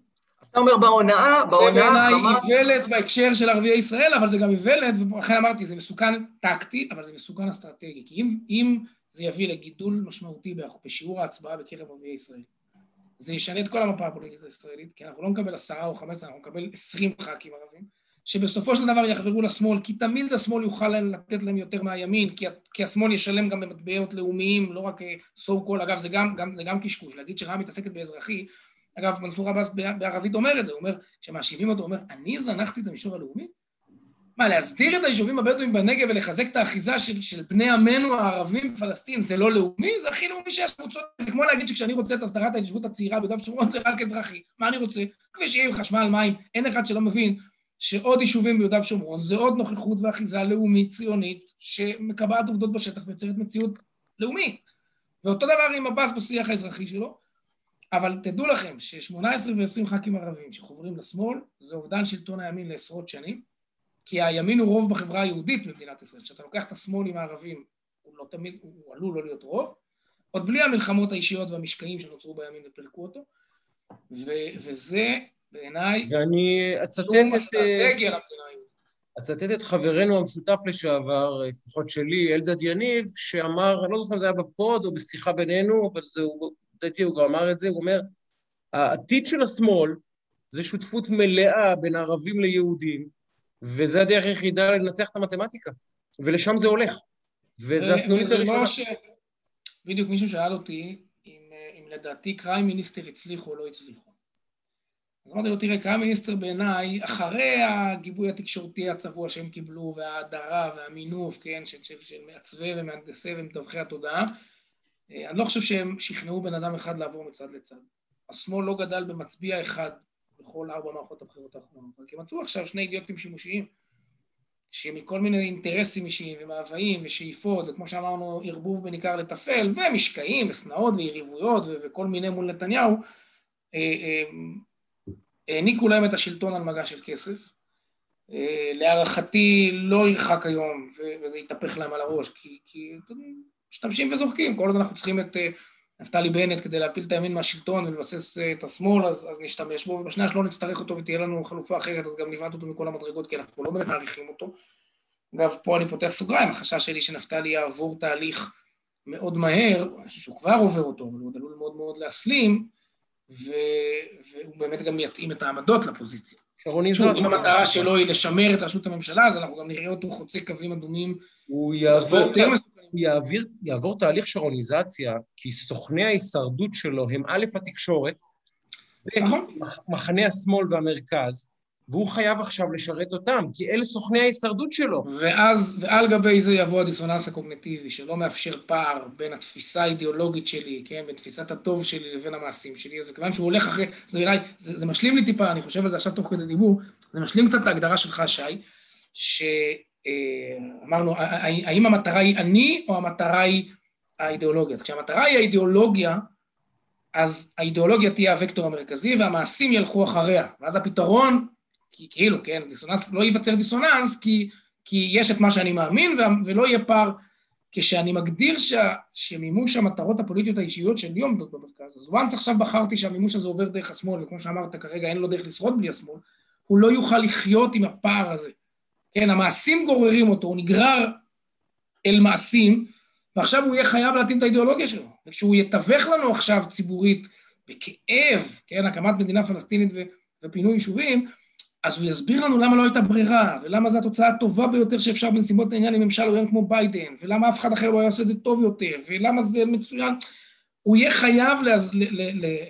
להתאים גם את השקפת העולם שלו אל המעשים, אחרת הוא לא, יוכל, לא יהיה מסוגל לחיות עם הפער הזה. וזו הסכנה הגדולה, כשאתה, כשהמעשה הוא המוביל, ואז תפיסת העולם בהתחלה משרתת אותו, אבל אחר כך גם חייבת להתאים את עצמה אליו, כי אחרת אתה... אתה...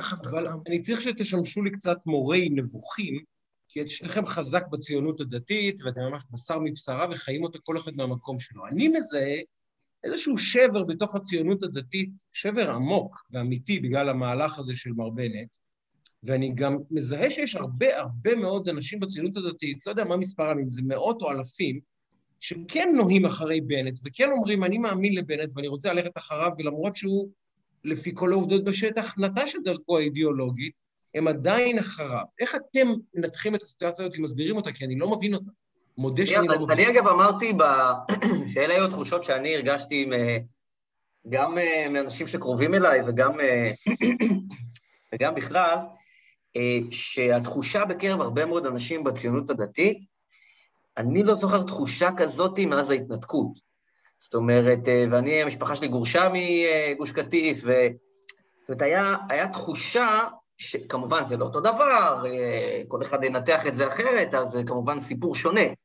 אבל בנקודה הזאת של מעין טיפה תחושה של בוקס בבטן, או משהו שהוא מאוד קרדינלי ממקור, נגיד בלתי צפוי, שוב, זה לא שבהתנתקות לא היו, לא היו כאילו דברים שחזו את זה, וזה לא שפה זה בא out of the blue, אבל כשמשהו קורה, אז כשהוא נוחת אותך גם מה קרה, אז, אז, אז הוא, הוא פשוט מחלחל. ואני הרגשתי, ואני הרגשתי שבאמת... תסביר את הרציונל של תומכי בנט, שעדיין תומכים בו למרות הקריאה שהוא קרא. תסביר לי את הרציונל שלהם, אני לא מצליח להיכנס לראש. אז uh, אתה יודע מה? בוא ניתן לבצלאל, אני סקרן לשמוע את דעתו. יש קבוצה בציונות הדתית שהולכת אחרי בנט עדיין. אז רגע, אז, אז בוא, בוא נתחיל, בוא נתחיל שעה עובדתית.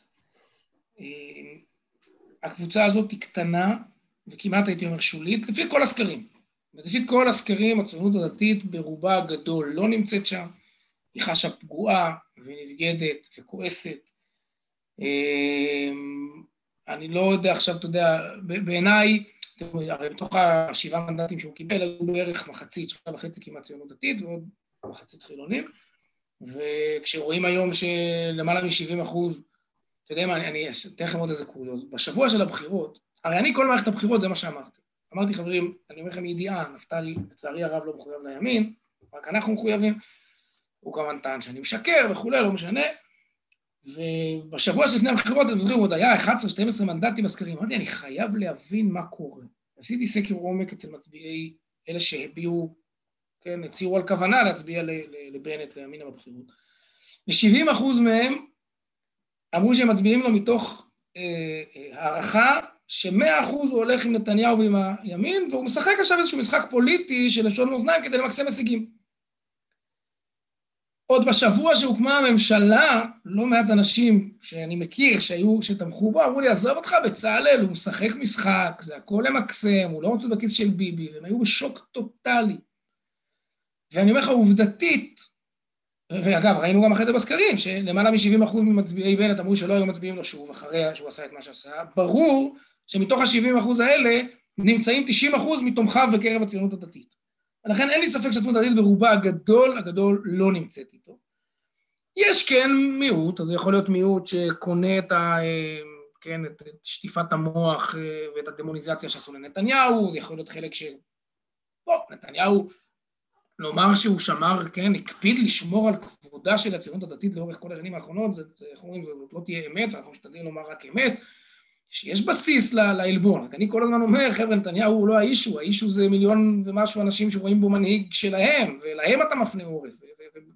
נו, אז, אז, אז הם עשו לי אותו דבר, כי הם השאירו אותי באופוזיציה בקדנציה הקודמת. אז מה, אני לא חי עם רגש. אני, אגב, תדעו לכם בכלל, כשאני בא לפוליטיקה, אני משתדל מאוד, אמרתי, רגשות אני משאיר לאשתי ולילדים, אני בא קר, ואני לשנייה לא עברה לי מחשבה בראש, בגלל שביבי עשה לי, אז אני עושה לו, אני שואל את עצמי מה טוב ונכון, ולשמור על המחנה הלאומי ביחד זה טוב ונכון, ונדמה לי שרוב מתוך הציונות הדתית נמצאת שם, הקבוצה שהיא נמצאת עם בנט היא קבוצה קטנה, אה, אולי בחלקה היא קצת מובילה דעת קהל, ולכן יש אולי נוכחות מסוימת, אבל איפה כן אולי שי, ויכול להיות שלזה אתה מתכוון.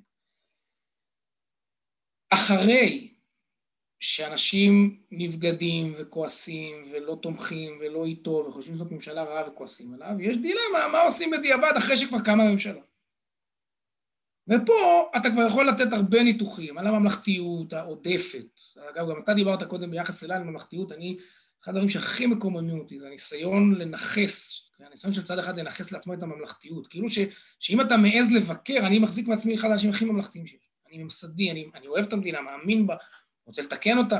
אני חושב שהעובדה שאני מעביר ביקורת על, על מה שאני מזהה ככשלים וליקויים שצריך לתקן ולשפר במדינה, זה ממש לא הופך אותי ללא ממלכתי. כשיועז הנדל טוען שלהיות ממלכתי זה לעמוד דום ולהצדיע לכל תחלואי המערכת, כי אם אתה תעיז לבקר את המערכת הלא ממלכתי, בעיניי זה עיוות של המציאות. ויש משהו גם בציונות הדתית שהוא קצת ממלכתי כזה, והוא קצת עין טובה, אז בסדר, אחרי שזה קרה, אז בואו לא... אני, אני מקבל לא מעט ביקורת מבית, של אנשים שהם תומכים בי, על הסגנון. כל הזמן אומרים, אני לא מבין את האירוע.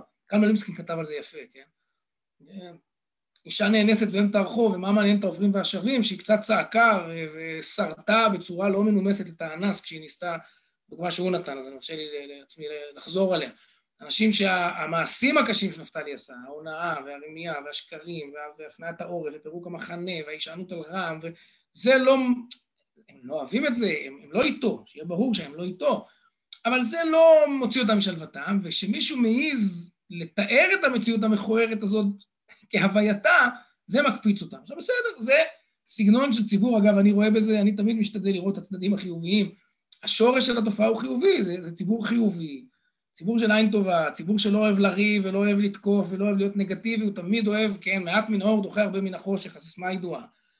ואז הוא אומר לעצמו, אחרי שהממשלה קמה, אז בסדר, בואו, זאת הממשלה, וזה ראש הממשלה, ובואו ניתן צ'אנס, ובואו הלוואי והם יעשו דברים טובים. זה אולי קולות שאתה יכול לשמוע, זאת אומרת, בוא נאמר שלא כולם עם סכין בשיניים, כמו כמוני, כמו הליכוד, כמו אחרים, שוב, תדע לך, אגב, הסיבה שאני עם סכין בשיניים, היא רק בגלל הסיפור של רע"מ.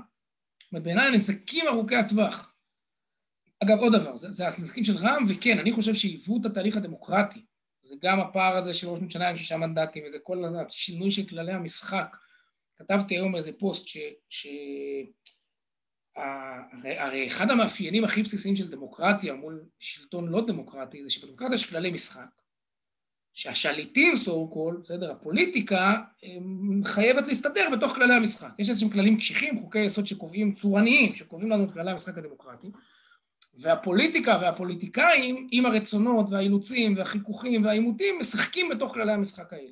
מה אחד המאפיינים הכי מאפיין משטר לא דמוקרטי? שאין לו כללי משחק, יש בו איזה שליט. שקובע כללי משחק כל פעם לפי מה שבא לו כדי להגיע לתוצאה. אנחנו כבר היום בדיקטטורות אה, מתקדמות, זה לא דיקטטורה שלפני, כן, שלטון מלוכני שגם אין כללים. יש כללים, בסוריה יש כללים, יש חוקים, יש בחירות במצרים, אבל הכללים כל פעם משתנים לפי העניין, כדי שהתוצאה שתתקבל היא תתקבל. וכשאתה בז לכללי המשחק, אגב, התחיל עם זה באמת נתניהו, אני התנגדתי לזה גם בפעם הקודמת, כשאתה משנה את חוקי היסוד וממציא חליפי וחליפי חליפי והנורבגים לא עזבו שוב ש... ש, שעד אתמול אנשים צרחו חמאס נגד הדבר הזה, ופתאום זה הפך ללגיטימי וסבבה. אני רק אומר, אבל העובדה שעכשיו אתה רוצה למנות דיינים משלך, ואולי זאת מטרה ראויה, אבל כדי לעשות את זה אתה צריך להשיג רוב מלאכותי, אז אתה משנה את הרכב הוועדה למינוי דיינים, ומחר תשתנה הקונסטלציה, אז תשנה את ההרכב בצורה אחרת, אתה בעצם אומר אין כללי משחק. אין כללי משחק, אתה לא מדינה דמוקרטית. בעיניי אלה שני נזקים, ההישענות על תומכי טרור, וכמעט, תסלחו לי שאני אשתמש רגע במילה קשה, ההזניה של ההליך הדמוקרטי, של כללי המשחק הדמוקרטיים, אלה נזקים ארוכי טווח שיהיה מאוד מאוד קשה לתקן אותם, כי זה תרבות, נוצרת תרבות פוליטית שהכל מותר. הממשלה הזאת היא, סכן, היא באמת... ולכן אני מסתובב עם סכין בין השיניים כדי לקצר את ימיה, כי אני חושב שכל יום שעובר מקבע את התרבות הפוליטית הזאת, מקבע את התלות הזאת שלנו ברע"מ. אבל, אבל מה שאולי אתה מזהה בציונות הדתית, אני שוב, אני מסכם ממש בשני משפטים, תומכיו של בן בציונות הדתית בעיניי הם ממש זניחים ושוליים, גם אם חלקם, אז אחד הוא עורך עיתון, אה, אני יודע איך קוראים לו, מצב הרוח, גיא אוברמן, אה, יש להם קצת שופרות, אבל הם באמת מעטים ובודדים. הקולות שאולי אתה מתכוון אליהם זה אנשים שאומרים אחרי שזה קם, אנחנו מתנגדים לזה, וזה רע. בסדר, זאת ממשלה, בוא נחיה איתה, לא כולם אז אני אשמיע לשניכם טקסט ששמעתי לפני כמה ימים מחבר שלי שעובד בהארץ, נשאר לי עוד שני חברים בהארץ, הוא, הוא לא עובד בפוליטיקה, הוא עובד בתחום אחר שם, הוא אמר לי משפט יפה, הוא אמר לי, אתה יודע למה השמאל אוהב את בנט כל כך? לא בגלל שהוא נתן לו את השלטון וניצח את ביבי, הוא אומר, גם ברור, ברור, אלא בגלל שבנט הוא הסנונית הראשונה בפירוק הימין האידיאולוגי מהאידיאולוגיה שלו. זאת אומרת, בשמאל יושבים ורואים את האירוע שמתנהל כרגע בציונות הדתית ואומרים, חבר'ה, יש שם קבוצה, לא ברור מה גודלה, נגיד שהם חמישה אחוזים או עשרה אחוזים, של אנשים שהתשתית שלהם, ככה בתפיסה של הצד השני, של השמאל, שממנו אני ממש באתי ואני מבין אותו לעומק, הייתה שהחבורה של הציונות הדתית, אתם, זה אידיאולוגים שכמו שאמרת, סכין בין השיניים, ארץ ישראל לפני הכל, לא רואים שום דבר חוץ מזה. והנה בא נפתלי בנט, שאגב מזפזפ עם פרגמטיזם ועם חילוניות ועם תל אביביות כבר הרבה זמן, אבל עכשיו הוא עושה את המהלך האמיתי, והוא בעצם אומר לשמאל משהו שאולי קצת מפחיד את הציונות הדתית לשמוע. יש בתוכנו קבוצה שחותרת לפרגמטיזם, וחותרת תחת האידיאולוגיה שלנו. יכול להיות, ש... יכול להיות שזו הבשורה שנפתלי אולי מבשר, שהימין האידיאולוגי מתחיל להתפרק מהאידיאולוגיה שלו לאט-לאט. אתה יודע שעד עכשיו עסקנו, כאילו עניתי לחלק הראשון של השאלה בסוג של שיח תיאורי, כן, תיארתי את המציאות, אבל אני, אני לא מאלה שמשקיפים על המציאות כמו עיתונאי ומפרש, אני רוצה להשפיע על המציאות. הסיבה שאני קראתי למפלגה שלי, הציונות הדתית, למרות שהיה לזה גם דיפולט, uh, זאת אומרת, ברור ש, שאולי קצת הרחקתי אנשים שלא ראו את עצמם סוציולוגית ציונות דתית, ידעתי שלשם הולך נפתלי, זה הרקע, כפי שאמרתי קודם, לפרידה שלנו, ואמרתי לעצמי, יש לי אחריות, שכשנפתלי יעשה את מה שעשה, בתודעה הציבורית התחושה תהיה שהציונות הדתית לא בגדה. נפתלי כבן אדם, כפוליטיקאי אמביציונר ש, שיש לו שאיפות והוא לא מצליח לווסת אותם ולשלוט בהם, ואיתו הילד שגם, ולא, לא, כמה אנשים עשו מעשה פרטי, אבל הציונות הדתית כמותג, כדרך, כהשקפת עולם, כציבור, לא הפנה עורף לשותפים שלו במחנה הלאומי. לא הפנה עורף לאידיאולוגיה שלו. אגב, פרגמטיביות זאת לא מילה מגונה, כי בסוף, נכון. גם אני, מרגע שבאתי, אתה יודע, שיצאתי, הייתי הרבה שנים בבית מדרש, ושם יש לך פריבילגיה, אתה יכול לחיות עם הערכים והאמונות וההשקפות הכי גבוה בעולם, וכשאתה, עצם ההחלטה לרדת מה, מה, מהאולימפוס הזה, שיש בו אגב המון טוב, הוא בנה בי המון המון המון עמוד שדרה, ואני חושב שחלק גדול באמת מהיכולת שלי היום לעמוד, זה כי בניתי במשך המון המון שנים, עוד מהבית, מההורים, ואחר כך בישיבה, בניתי המון המון שנים את, ה, את, ה, את תפיסת העולם ואת היכולת ל... אבל ההחלטה לרדת מה, מה, מההר המאוד אה, נעים ומחבק של הישיבה ולתוך עולם המעשה, היא מיני ובי בתוכה כורכת גם פשרות ופרגמטיות, אלא מה, שוב, זה הכל חוזר לאותו שורש, מה העיקר ומה טפל. האם הדרך היא העיקר וזה, ועכשיו, בסדר, צריך טיפה פה, פה לזוז, שם לזוז, פה להתפשר, פה צעד אחורה, כדי לקדם את הדרך, או שהפכנו את הפירמידה לחלוטין. והמטרה עכשיו היא לקדם את הפוליטיקה והדרך האמצעית. לשמאל היה נרטיב פלסטינים. הוא רכב על הסוס הזה הרבה זמן והרבה שנים, עד שבא ברק וירה לסוס בראש, ומאז הם מנסים איכשהו לגמגם אותו. אבל הסוס הפלסטיני, כמכונן של הנרטיב השמאל, אה, סיים את דרכו ההיסטורית, וביבי החליף את הפלסטינים באידאה השמאלנית. עכשיו, מה הייתה, לפחות בתפיסה של, שלי מהצד השני? אני משקף לכם איך חווינו את זה. אתם, מה שמעניין אתכם זה ארץ ישראל, התנחלויות, ו... ולהעמיק את, ההת... את ההתיישבות. והנה בא נפתלי בנט ואומר, כן, אבל. עכשיו, למה שאלתי קודם? אבל, אבל. אני דווקא חושב, שי, אני חושב שבממשלה הזאת יש סכנות להתיישבות. אבל... לכן אני אומר... אולי האם... הפניית העורף המרכזית היא דווקא לזהות היהודית של המדינה. אוקיי. לפני השאלות הדתיות. לתשתית הכי בסיסית של מדינה יהודית ולא מדינת כל אזרחיה. פה, והציונות הדתית מזוהה עם ארץ ישראל מאז שגוש אמוני הוביל את המפעל הזה, שהוא באמת אחד המפעלים המעשיים הכי גדולים וגם הכי מעצבים ומשפיעים בחברה הישראלית בחמישים השנים האחרונות. לא היה אה, בחמישים שנה האחרונות מהלך מעשי ששינה מקצה לקצה את ה... אגב, לטב או למוטב, אנחנו רואים בזה דבר טוב, השמאל רואים בזה דבר רע מאוד, אבל, אה, ומאז הציונות הדתית ממותגת, אבל זה, זה ממש לא, לא ממצה, הציונות הדתית עוד הרבה קודם לקחה אחריות באמת על הזהות היהודית של המדינה, המפד"ל ההיסטורית דווקא לא עסקה בשאלות של אה, חוץ וביטחון, ההסכם שלה עם בן גוריון וזה תמיד היה אחר, בוא זה עניין שלך, מה העניין שלי, הזהות היהודית, יש איזה 73 חוקים, כל הסטטוס קוו של דת ומדינה שאנחנו מכירים היום מוצב ב-73 חוקים שהמפד"ל בגלגולה, בדור הראשון שלה, לפני מפעל גוש אמונים, לקחה עליו אחריות, ואל תשכח את כל מפעלי החינוך והגרעינים התורניים, וה, וה... זה, זה הכל אגב נשען מאותה אידיאולוגיה, זה לא שארץ ישראל זה אידיאולוגיה אחת וזהות יהודית אידיאולוגיה אחרת. אני שואל אותך נדב, כי, כי כל כך חשוב גם בשיחה, בשיח הזה. האם נפתלי הוא אנומליה? אה, תקלה שקרתה. נפלנו על אדם עם אגו ענק וקצת אה, התבלבלה דעתו, והוא אנומליה, או שהוא מגמה. שאנחנו, שהוא מסתיר מאחוריו מגמה בתוך הציונות הדתית שאנחנו מחטיאים אולי. אני חושב שקודם כל, זה, זה מתחבר, אני חושב שקודם כל, המפד"ל של, אה, ש, שבצלאל גדל עליה, וההורים שלי באו ממנה וכולי, הציונות הדתית שהייתה בשנות ה... עזוב 70, 80, 90 אפילו, אני חושב שהציונות הדתית אה, עוברת בשנים האחרונות תמורות מאוד משמעותיות. זאת אומרת, אני למדתי בישיבה, אם אני אה, אה, יצאתי אחרי, ה, אה, אחרי הלימוד בישיבה, ואתה מעמיד עשרה אנשים מהשכבה שלי, כל אחד עם כיפה אחרת על הראש, כל אחד, שכולם תחת הציונות הדתית, המנהגים שלו טיפה שונים, תפיסת העולם שלו לגבי הרבה מאוד סוגיות חברתיות, דתיות ואחרות טיפה שונות, זאת אומרת, מי בעבר, שהמפד"ל הייתה, או הציונות הדתית הייתה מקשה די משמעותית, אני חושב שיש, זאת אומרת, אי אפשר להתעלם מזה, שקרו תמורות מאוד משמעותיות בציונות הדתית, בתפיסת עולם. אני היום גר, ב, אני ב-15 שנים האחרונות גר ב, אה, בפלורנטין, אה, ומבחינתי אני יכול להגיד לך שזה אה, שאני היום מקים גן דתי ראשון בפלורנטין מזה 30-40 שנה, מבחינתי זה לא שונה מלשים דגל, אתה יודע, במקום אחר בהיבט הזה. שכל אחד יש לו את העניינים שלו, ואיך הוא רואה את ה... אתה יודע, את השליחות וכולי. אבל אני חושב שבכלל כסגמנט, הציונות הדתית עוברת שינויים, שהיום כשאתה מסתכל עם מישהו עם כיפה על הראש, כן, סליחה שאני עושה את הזה, אה, לא בהכרח הוא חושב כמו החברים שלידו, יתרה מזאת, אני חושב שלאט לאט יש יותר ויותר ויותר סגמנטים בתוך המקשה האחת הזאתי. אני חושב שזה גם חלק מה, מהדחיפה של אנשים מהציונות הדתית יותר ויותר היום להיות בתקשורת, בפוליטיקה ובמימוש בהרבה מאוד, בספורט ובעוד הרבה מאוד מקומות, לצערי לא מספיק.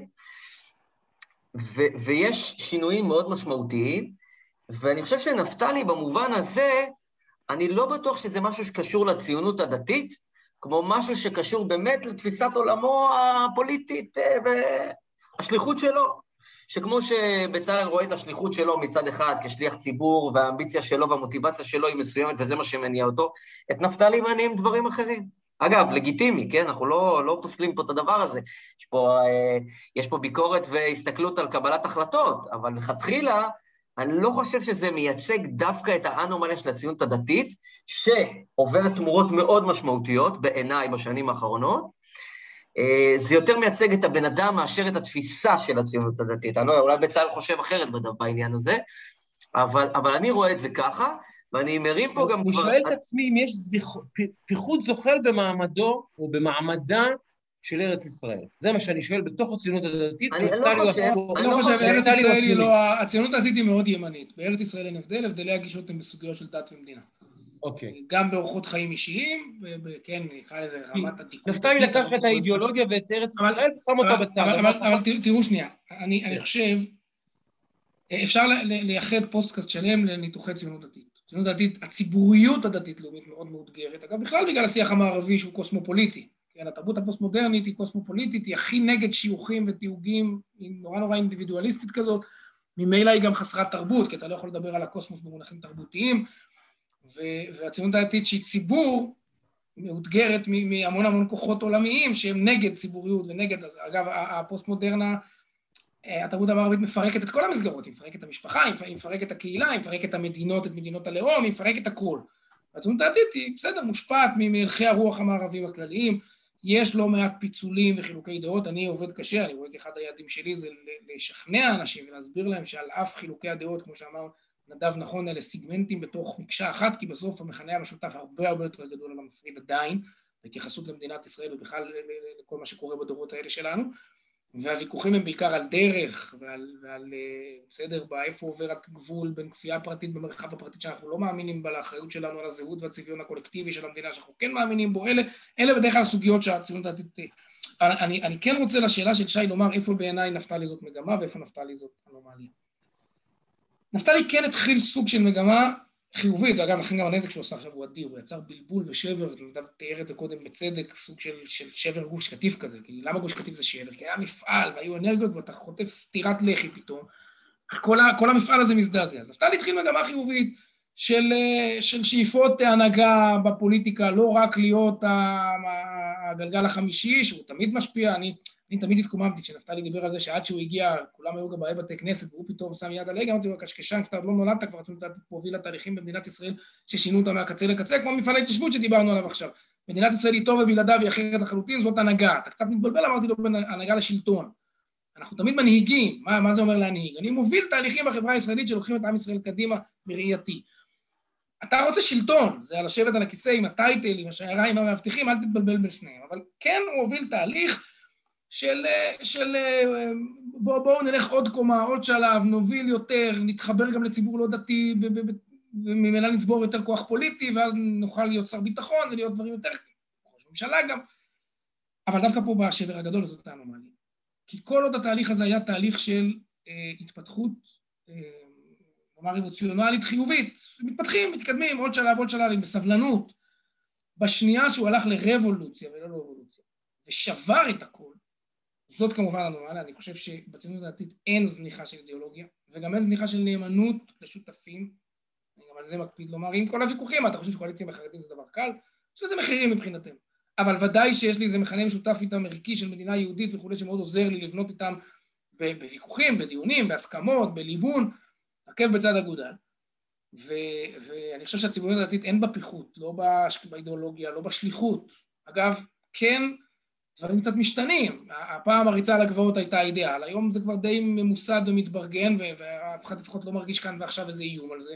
אז הולכים לקו לחיים, ולעשייה חברתית, ולעזר מציון, ולתרומת כליה. בוא, תלך ליצהר, תמיד תראה פתאום, כולם, כל בן אדם שני שם כבר תרם איזה כליה וחצי. התרומה והאידיאליזם וההבנה שאנחנו לא אנשים שחיים בשביל עצמנו, אלא מנסים לתרום, אני חושב שאין בה שום פיחות. ושוב, בהתחלה נפתלי רכב על הגל הזה, ואמר, חבר'ה, בואו אני אראה לכם איך עושים את זה גם בפוליטיקה. איך לוקחים את, ה, את ההשפעה והאידיאולוגיה והדחיפה קדימה ומביאים את זה גם לפוליטיקה, ואז הוא פתאום עשה איזה 180 מעלות, זרק את האידיאולוגיה מהחלון, והפך רק את הפוליטיקה למטרה בפני עצמה, ופה הוא יצר שבר, כי עד עכשיו שואל את עצמו, לי, בוא נאמר, אני, אני סוגר מעגל עכשיו ומתחבר איתכם לתחילת השיחה. שאל אותי שי אם אני מתכונן לשלב הבא. לי היום השלב הבא יהיה הרבה יותר קשה, כי אני אצטרך כל הזמן להוכיח שאני הולך לשלב הבא, אבל לא יקרה לי מה שקרה לנפתלי. זאת אומרת, כשאני ארצה היום לצאת מהמשבצת המגזרית, אני אגב, אני חושב שצריך מדורת שבט לציבוריות דתית-לאומית, כי, כי אנחנו חיים בעולם שבו תוכן לא חי בלי כלים, ויש פה עולם ערכים שלם שצריך ציבור שיחיה אותו ויוביל אותו וישפיע אותו, והציבור הזה צריך מדורת שבט, וזאת מפלגה, אבל אני כן רוצה להיפתח להרבה אנשים שמזדהים פחות או יותר עם הערכים שאנחנו שמים בחלון הראווה ורוצים להיות חלק מהקידום שלהם במדינת ישראל. אבל, אבל, אבל, אבל תהיה כלפי חשדנות מאוד גדולה. יגידו לי, רגע, רגע, רגע, רגע, איך, איך מי תוקע לידינו שגם אתה לא תתבלבל פתאום באיזה היבריס יהיר, שחצני וזה, ותלך לנו לאיבוד בדרך. בסדר? הראשון שפרץ דרך, ואנשים לא חשבו שיש סכנות, או היו כאלה שכן חשבו, אבל היו כאלה שלא, הרבה, הנה עובדה שנפתלי הצליח יחסית, בציונות הדתית. השני, ואני חושב שהמסלול שלי באמת יהיה חייב להיות אחר. אני חושב שאני אחר באישיות שלי, ואחר בהשקפות שלי, ואחר בהתנהלות הפוליטית שלי עם נפתלי, כמו שאמרתי, מראש נפתלי בא עם אמביציות פוליטיות. הוא החליט שהוא יהיה ראש ממשלה כשהוא ישב, כשהוא היה ראש הלשכה של ביבי. הוא כבר אז ידע שהוא יחליף אותו. וכל עוד שהוא הלך למועצת יש"ע וכולי, היה הכל תהליכים בדרך, בהכל הוא השתמש. אני אמרתי קודם, אני חי אחרת לחלוטין, אין לי אמביציות אישיות, אני חושב שבשוק הפרטי אני אוכל לעשות כנראה לפרנס משפחתי טוב יותר, ואולי גם, לא יודע, לעשות דברים טובים. אבל אני, אני ואני מקווה, אגב, אני מתפלל על זה הרבה, אני מקיף את עצמי באנשים שבאים בלי אמביציות ושמזכירים לי את זה כל הזמן, וכל הזמן אומר להם, אני, תבטיחו לי שאם חס וחלילה יום אחד אני הולך לאיבוד, אתם תופסים אותי, מעמידים מול מראה, נותנים לי שתי סטירות ואומרים לי לך הביתה, ואחרת אתם לא חברים שלי אם לא תעשו את זה. אבל כלפי הציבור, כשאני אנסה לעבור ממשבצת אחת למשבצת אחרת, יותר מנהיגה ויותר מובילה, תמיד אני אצטרך להוכיח שלא יקרה לי מה שקרה לבנט. פה הוא יצר נזק מאוד.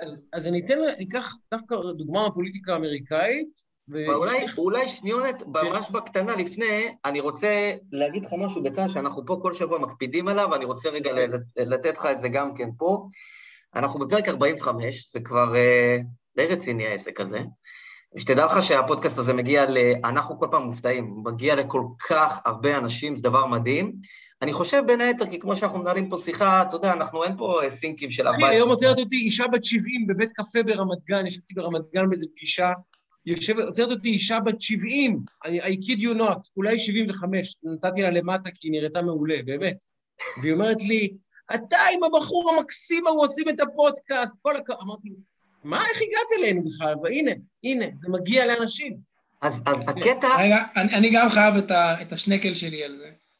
העליתי אתמול לפייסבוק אה, הרצאה, קראתי לזה האוניברסיטה המשודרת מבית הכנסת. היה לי בלילה שבין שני לשלישי באיזה שלוש וחצי בבוקר, היה לי שלושת רבעי שעה לדבר. נתתי הרצאה, מבוא למשפט חוקתי, לא נרחיב עכשיו, שלושת רבעי שעה. איתן הדובר שלי אומר לי, תגיד לי, אתה מפגר, אתה מעלה את זה לפייסבוק? מי, מי יצפה באיזה? כמות התגובות שאני מקבל מאנשים שישבו והשקיעו שלושת רבעי שעה בלשמוע הרצאת תוכן מעמיקה על תפיסה דמוקרטית, חוקתית, משפטית, הייתה פשוט מדהימה, וזה אומר שבסוף, בניגוד למה שמנסים, זה קשור גם בסוף לתרבות הפוליטית, יש רצון לעומק בחברה הישראלית. ואנשים מוכנים, ויש כלים, הנה דיברנו על הרשתות, מה שאנחנו עושים עכשיו לא יכולנו לעשות נכון. זום בקורונה. אבל uh, יש ביקוש לתוכן, והרדידות של הפוליטיקה היא גם, שוב, כי, כי התקשורת הממוסדת חיה מהריאליטי, מהאח הגדול. ו- וזה מביא אחר כך לרדידות בכל מרחבי החיים. אני חושב שהיכולת שלנו לייצר היום במות מעמיקות ולתת תוכן, וכשיש תוכן אז אפשר להתווכח, אפשר להגיב, אפשר לשכנע, להשתכנע, ולהבין טוב יותר את הדמות שעומדת מולך ו- ולהשתחרר שנייה מהקיבעונות של הדמ... כן, הדמון שבנו לך, או, או התדמית החיצונית הראשונה, זה דבר מדהים. ולכן פה קצת כמו שלכם עובד טוב, כי אנשים מחפשים טוב. נכון, ו... ואגב, היו פה, אני אומר לך, במהלך הפרקים, מימין ומשמאל, ותקשורת, ו- ו- ופוליטיקאים, ונתניהו, ו- ובאמת אה, מכל הצדדים, ואנשים באמת מחפשים את ה... אנחנו רואים שאנשים מעוניינים לשמוע, ולכן זה, זה במה קצת אחרת, ואנחנו גם מנצלים אותה למטרה אחת שאני חייב לשתף אותך. אה, בכל שבוע אנחנו מעלים פה משהו שאנחנו אנחנו מרגישים מחויבים אליו, וזה הסיפור של אברה מנגיסטו. אברה מנגיסטו, שנמצא 2,518 לילות וימים בשבי החמאס, ובשונה מלהבדיל כמובן כל מיני מקרים אחרים, הוא הילד של אף אחד. ואין לו לובי, ואין לו יח"צ, ואין לו תקשורת, ולא דוחפים אותו, ואת הסיפור שלו, לא אותו כמובן. ואנחנו לא מדברים פה עכשיו על ללכת ולחלץ, אנחנו מדברים על הסוגיה החברתית של להציף את הנושא הזה על סדר היום, כי יש משפחה שם בסוף, ויש פה עניין מאחורי, מאחורי הסיפור הזה. אנחנו מציפים את זה בכל שבוע, כדי לשים את זה באמת במודעות, כי אף אחד פשוט לא עושה את זה, אגב. אתה יודע, אני זוכר את uh, uh, שש עם עודד בן עמי, כמובן שונה, ואני לא משווה ולא זה, אבל סופרים את הימים וכל, הדבר, וכל הדברים האלה. זה לא קיים, לצערנו, בתקשורת הישראלית, בטח במיינסטרים.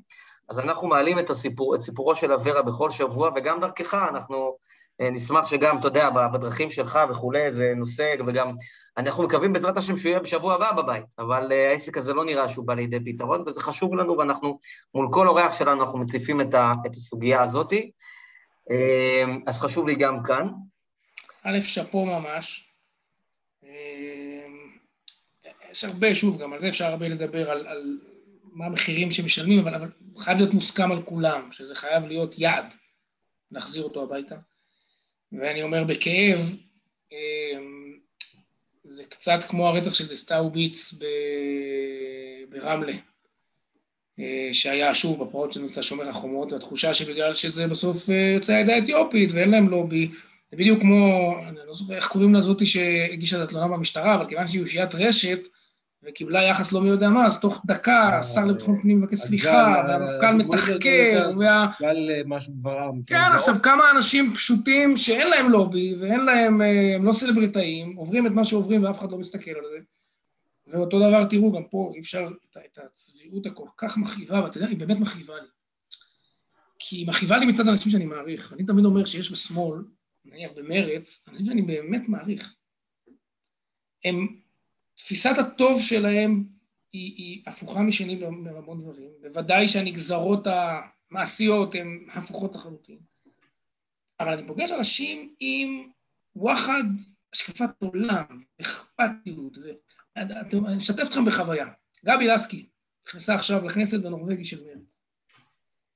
אצלי גבי לסקי עד לפני חודש זה עוכרת ישראל, נכון? אותה עורכת דין שמייצגת מחבלים וטרוריסטים ו- אני יושב איתה פה איזה שעתיים במליאה לפני איזה שבועיים, מתחילים לגלגל שיחה. ואני רואה אה, בן אדם טוב, ועוד פעם, אני יכול לומר שזה עקום בתפיסה, ב, ב, אבל יש עולם ערכים, יש באמת אמונה ואידיאולוגיה של, של, של, של זכויות אדם ושל זכויות פרט, ו, וזה כואב לה, והיא חיה את זה, והיא לא שמה איזה כסף וקריירה, היא באמת מאמינה בזה. ואגב, תדעו לכם שיש לי שיח משותף הכי מצוין, כי בסוף זה שיח אידיאולוגי, אז אנחנו יכולים לדבר. אין לי שפה משותפת עם אופורטוניסטים, ששוב, כמו שאמרנו קודם, האידיאולוגיה היא מקסימום במקרה הטוב כלי למימוש הפוליטיקה. ואני אגב חושב שיש להם תרומה אדירה לחברה הישראלית. אתם יודעים, יש ברב קוק את, ה, את המאמר הידוע על שלושת הכוחות המתאבקים במחננו. כן? יש את הכוח האוניברסלי של זכויות אדם, את הכוח הלאומי ואת הכוח של הקודש, הדתי, ובסוף צריך את שלושתם. ואני אגב, לי ברור שאם לא היה את מרץ ואת אנשי הזכויות וכולי, שיאזנו את הגישה הלאומית שלי, ומה לעשות, זה אני וזאת השליחות שלי, ואני חושב שהיא נכונה וצודקת, בסוף, בסוף, בסוף העולם הוא כולו איזונים, כן? המרחק של השמש בכדור הארץ מייתר את האיזון בין חום וקור, ומאוד מעלה אחת זה, וכולנו נשרפים, או זה, או כולנו קופים פה וחוזרים לעידן הקרח. ו... ו... ופה רציתי להגיד שיש לי אכזבה גדולה. כי נניח אנחנו רואים את האונס שהיה בדרום תל אביב בשבוע שעבר. ועוד פעם, שתיקה כי מדובר באוכלוסייה מוחלשת. אני שואל את עצמי איפה מיכל רוזין, ואיפה תמר זנדברג. ואני חוזר ואומר, אלה אנשים שאני מעריך, אני חלוק עליהם מקצה לקצה, אבל אני מעריך אותם. וזה, וזה זה, זה בדיוק מחבר אותי לאבירו מנגיסטה. זאת אומרת, התחושה שיש מי שיש לו לובי וגיבוי תקשורתי וכולי, כי הוא בא מהמחנה הנכון ואף אחד לא היה שותק לרגע, ויש מי שאם הוא יושב בעזה, או נאנס, או נרצח, או בסדר, נו, גם אתם זוכרים, כן, מה, כמה עונש קיבל ההוא שדרס את הבן של ההוא המיוחס, ועוד פעם, אני לא... באמת, ליבי, ליבי, ליבי, כן, אני לא רוצה אפילו להגיד את השם, את השם משפחה פה, אבל, אבל לא, הפער הבלתי נתפס בין עונש שמקבל מישהו שדרס מישהו שבא ממשפחה מיוחסת, למי שדרס סתם איזה עמך כזה, הוא, הוא בלתי נתפס, זה אחד הדברים בעיניי הכי כואבים. אז אנחנו רוצים אה, לשחרר אותך לדברים אה, לא פחות אה, חשובים, אולי אפילו יותר חשובים, ואני רוצה... שי, תגיד שנמאס לך, אבל זה ארוך מדי, לא, יש לך לא, עוד קשב. בסדר, אל תתבייש. תקשיב, אתה צריך להבין, אני חושב שאני עכשיו ברצינות גמורה. אני מרגיש שהשיחות כאלה הן שליחות, שליחות אמיתית, גם ברמה תקשורתית, גם ברמה של שיח, גם ברמה אידיאולוגית כמובן, אבל לפני זה, שלושה אנשים יושבים ומדברים בנועם ובעומק ובקשב, ומדברים שיחה ארוכה ומעמיקה, ויהיו לדבר הזה אלפי מאזינים. אז זו שליחות, זו שליחות אמיתית. מעבר, בלי קשר לתוכן עצמו ומה נאמר בו, מסכימים לא מסכימים, זה פחות מעניין אותי. יותר מעניין אותי שיושבים שלושה אנשים ומדברים. כי אין, זה, אין למצוא את זה היום בישראל בבמות של המיינסטרים. אין, אין, אין לזה דוגמה, אין לזה אח ורע, אין לזה שום דבר אפילו מזכיר את זה. אנשים יושבים ומנהלים שיחה. אני רוצה להזכיר לכם, בהקשר הזה, לתת לכם איזושהי תחזית אה, ופרשנות שתנעל אולי את השאלה הראשונה שלי לבצלאל ותשאיר אולי טעם של, אולי טעם טוב בפה, אני מקווה לך. אני רוצה לחזור לשם שאיכשהו קצת אה, נכנס לבוידים של הציונות הדתית, אפי איתם. לא שמעתי את השם הזה המון זמן. הוא היה דמות, היה לו איזה פרק, הוא כתב את הפרק שלו בציונות הדתית. וכריאקציה לאפי איתם, שהיה דמות מעבר מהזבולונים המרים והשאול יהלומים לבנטים, הוא היה ממש, ממש דמות מעבר כזאת. אנחנו זוכרים אותו, הבחור הגדול הזה עם הציציות המתנופפות ברוח, והכיפה שהיא הייתה יותר סומבררו, ענקית, ענקית. אנחנו זוכרים אותו, וגבר כזה, והוא גם לוחם, וגם ציוני, וגם אה, אה, אה, ארץ ישראל בהתיישבות, וזה היה מה שנקרא, לא נכון לשעתו, וגם לא טוב לציבור הציוני-דתי וגם כנראה לציבור הכללי יותר, ואז כריאקציה הגיעו הבנטים. עכשיו, בארצות הברית, אני עכשיו אחזור ותכף זה יסגר בך. בארצות הברית, אה, אובמה, סליחה, אה, טראמפ הוא ריאקציה לאובמה בכלל. טראמפ לא היה נבחר אם אובמה לא היה נבחר. וביידן הוא בכלל ריאקציה לטראמפ. עכשיו, שלושה האנשים האלה על הציר ההיסטורי, כל אחד מהם הוא בעצם מניע תהליך שמביא את, את, את, את, אה, את זה שבא אחריו לשלטון. כי אובמה המליך את טראמפ, וטראמפ המליך את ביידן, ואפי איתם המליך את אה, נפתלי בנט, ואני אומר לך, נפתלי בנט ממליך אותך עכשיו. עכשיו, זה האתגר. זה האתגר המרתק שלך. כי אם אתה תהיה עוד אחד על הציר של הריאקציה שמובילה לריאקציה שמובילה לריאקציה, אז גם לך תהיה ריאקציה. יכול להיות שתהיה ריאקציה יותר, אה, לא יודע, שמאל מיינסטרים חילוני אה, ליברלי, יכול להיות שתהיה אפילו ריאקציה שתשבור עוד יותר ימינה ותחזיר אותנו ל... ל לא יודע. לאפי איתם שם קודם. האתגר שלך, ודיברת על זה שאתה מפחד שיום אחד יגידו, רגע, אולי יגידו עליי שאני כמו נפתלי, אולי כשאני אשב ואדבר בלהט יוקד את האמת שלי, יגידו, רגע, הוא ציניקן, הוא גם כן נפתלי, יום אחד הוא יעשה לנו ויברח לתל אביב, ויראה לכולנו מה זה.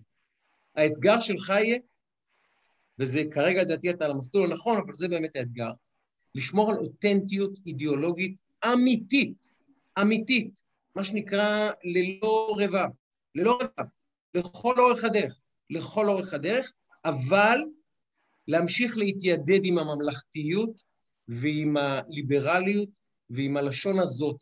בנט שבר יותר מדי חזק לליברליות ולחילוניות ולאני מגניב ואני בתל אביב ואני בהייטק ואני יושב במסעדות שאתם אוכלים בהן, הוא שבר יותר מדי. ואסור לך לשבור לכיוון איתם. אתה צריך למצוא את האיזון הנכון, כשה center שלך, ה base לדעתי האמיתי, חייב להיות אותנטיות אידיאולוגית אמיתית. שם נמצא המפתח, ואם תצליח לשמור על זה ולייצר התבגרות, מה שנקרא אבולוציה נכונה, של הפרסונה שלך, לדעתי אתה לא תהיה ריאקציה לבנט, אלא תהיה משהו שיצליח לייצר מעבר אמיתי בציונות הדתית לשלב הבא שהיא צריכה לעבור אליו. כי אפי איתם היה, סליחה, טעות היסטורית, ומסתבר שגם נפתלי בנט הייתה טעות היסטורית. והגיע הזמן להפסיק לטעות אם הציונות הדתית רוצה להמשיך לשרוד, ואם אתה, ואני חושב שאתה דמות שהיא ראויה מאוד להוביל את הקבוצה הזאת, תלמד להספיק את הלקח גם של אפי איתם וגם של בנט, לדעתי יש פה אופק מאוד מעניין ללכת אליו, גם לך וגם לקבוצה שלך. יש לך מתחרים במקצוע, נדב, זה בעיה. לא, אני אמרתי לך, אני סופר שמסתכל על דמויות ועל אירועים, ככה אני מנתח את המציאות. אני חושב שאתה... שוב, אני נזהר, יש לי המון הערכה להרבה אנשים, גם לאפי, אתה יודע שאפי, אני חושב שהיתרון הגדול שלו, שכיוון שהוא חוזר בתשובה, לא היה לו את תסביך הנחיתות, מה שאדר זיג זכרונו לברכה קרא צ'יבה דפוק של הציונות הדתית. ויכול להיות שהוא קצת הקדים את זמנו, סך הכל ועדיף הוא איש טוב, עתיר זכויות, ואגב, אפרופו שוב כוכבית, הסיכול הממוקד והצבוע שעשו למינוי שלו ליד ושם. אז דני דיין גם מועמד ראוי, ואני אמרתי שאני מאוד מקווה שגדעון ממנה את אה, דני דיין בגלל המחויבות הפוליטית, שהוא היה אצלו ברשימה וכולי, ולא בגלל שהוא נכנע לתכתיבים האלה של יאיר לפיד ופוסל את אפי איתם. אני, אני, אני, אני מסכים איתך שבסוף האותנטיות האידיאולוגית היא הדבר הנכון, אבל זה לא כטקטיקה פוליטית, כי זה נכון, כי ניכרים דברי אמת. וכשאתה מציב אמת אותנטית, ושוב נחזור לתחילת השיחה, שקופה, מנומקת, מוסברת, לא איזה מהלכים מתוחכמים כאלה שאף אחד לא מבין, ושבעוד שנתיים תבינו למה הייתי יותר חכם מכם, ומה, פשוט לשים את הדברים על השולחן. אז א', אנשים מערכים את זה, וב', אנשים בעיקר יודעים מה הם מקבלים. אני חושב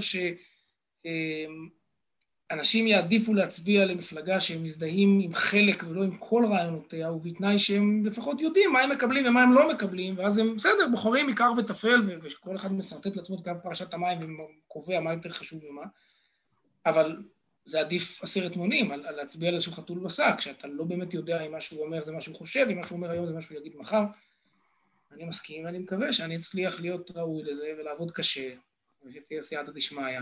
נכון אגב, כמו שאומרים אצלנו הדוסים, ושנצליח בעזרת השם. אני רוצה לסיים... אה, חן בשכל טוב. אני רוצה לסיים בצה"ל עם, עם שאלה קצת של אחורה קדים. אה, אני חושב, אגב, האתגר, אם אני מתחבר לדבריו של שי, אני חושב שהאתגר שממנו בעצם אה, פרץ החוצה נפתלי, ואני חושב שהוא נמצא אצלך, במה שדיבר שי כאבולוציה, עדיין כאתגר, זה מעין תקרת זכוכית. תקרת זכוכית של, לא משנה, קהל מסוים, איקס מנדטים וכולי, שכביכול קשה לפרוץ אותו, ב... לכאורה, כן? בדרך שאתה הולך, זאת אומרת, צריך לעשות אה, מה שנקרא לפעמים אה, תוספת, עדכוני גרסה, שינויים כאלה ואחרים, לכאורה אני אומר. שוב, השאיפות הן שונות והתפיסות הן שונות וכולי. מפה אני רוצה לאתגר אותך במשהו קטן אחורה קדימה, ובזה אה, נתקדם הלאה.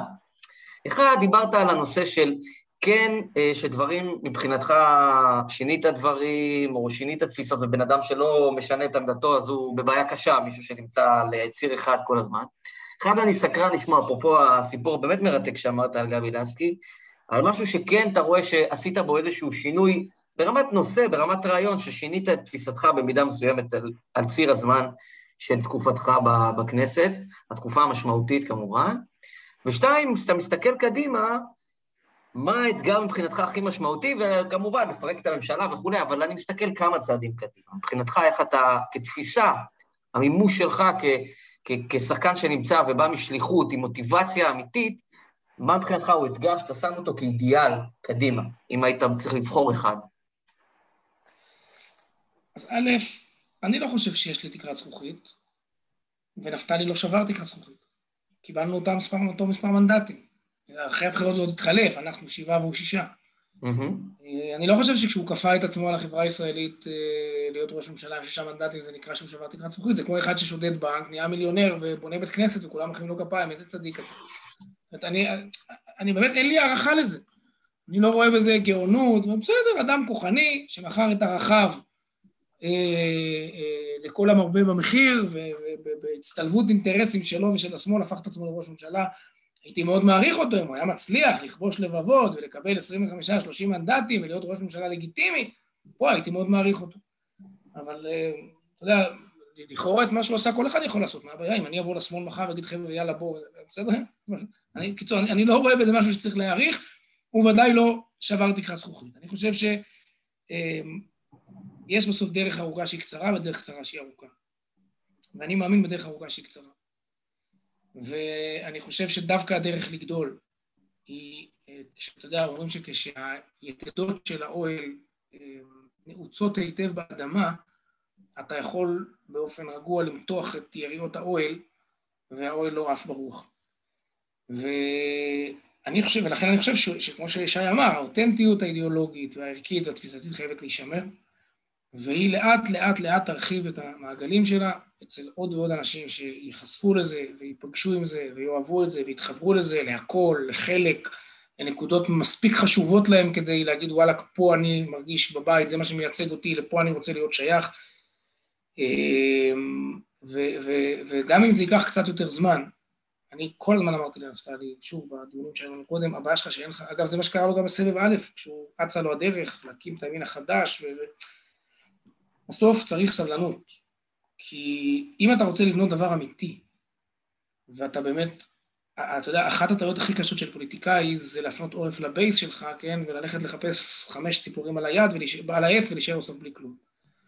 ו- ושוב, אני, אני לא אומר את זה עכשיו בגלל הטקטיקה הפוליטית, כי זה נכון טקטית, אלא כי זה נכון אמיתית. ברגע שיש לך רעיון, אתה קודם כל מייצג את מי שמזדהה עם הרעיון, ולאט לאט אתה עובד להפיץ את הרעיון הזה ולעשות לו נפשות ולשכנע יותר ויותר אנשים שהרעיון או הרעיונות שאתה מבטא הם נכונים, אתה בונה דבר הרבה יותר אמיתי, והוא הרבה יותר יציב, ו- והוא הרבה יותר נכון, ולפעמים זה ההפך, כן, כמו שבמגפה הפריצה היא אקספוננציאלית, אתה יכול גם בהפצת רעיונות לעשות את זה ככה. תמיד, זה כמו שאומרים שבכסף, כן, להרוויח את השקל הראשון, זה הכי קשה, להרוויח את השקל המיליון זה כבר הרבה הרבה יותר קל. וגם בהפצת רעיונות. אה, כשאתה קטן קטן הפריצה הראשונה יותר מורכבת, וכשאתה קצת יותר מרחיב מעגלים, אז אחר כך ההרחבה כבר באה אולי יותר מהר. אני חושב שצריך לזה הרבה סדרנות, וזו פונקציה של... עכשיו, שאלת אם, אם, אם יש דברים ששיניתי. תראה, אני לא חושב ששיניתי את האידיאולוגיה שלי. כן שיניתי את הבנת היישום הנכון שלה על מציאות נתונה. אומרת, אני חושב שפגשתי דברים שלא הכרתי. אתן דוגמה. אני כבן כפר מתנחל שגדל כל הזמן בחממה הציונית דתית, לא, כל הסיפור של יהדות התפוצות, לא היה לי מתחת לרדאר, לא הכרתי. באמת, לא הכרתי. זה לא העסיק אותי, ולא חשבתי אף פעם אם מה שאני עושה משליך או לא משליך על... ונסעתי לפני חמש שנים למשלחת של הסוכנות עם הכנסת הפדרציות היהודיות בצפון אמריקה, הייתי בסן פרנסיסו, סן דייגו, הפדרציות הכי פרוגרסיביות שיש, מי שמכיר שם. וזה היה שבוע, לא חשוב, אני החלטתי אחר כך שאני לא טס, כי אני לא רוצה להתאהב במחלקת ביזנס והקוקטיילים וזה, אמרתי, אני רוצה להישאר עני, אז אני... אבל, אבל... אמ, זה, זה... חטפתי בומבה. זה פתח אותי לעולם כל כך חשוב, שלא הכרתי.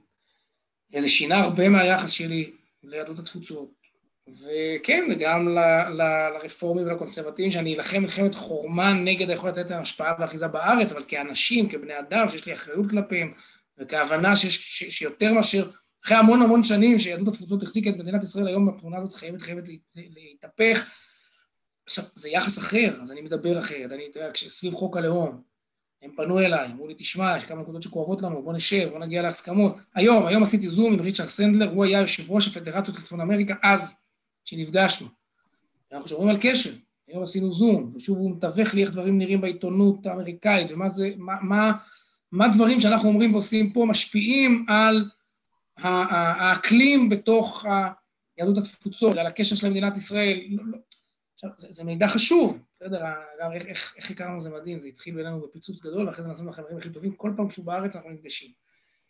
אה, יהודי אגב, קונסרבטיבי אני חושב, אבל הוא כל כך אוהב את העם הזה, וכל כך מקריב הכל, ומוסר את כל כולו ככה בשנים לעם ישראל, זה פשוט דבר מדהים, מדהים, מדהים. ואני אומר לך, היום, היום עשינו שיחת זום תוך כדי, זה היה במזנון הח"כים, כל הרעש וזה, כי בין ההצבעות שם של, של הטרומיות.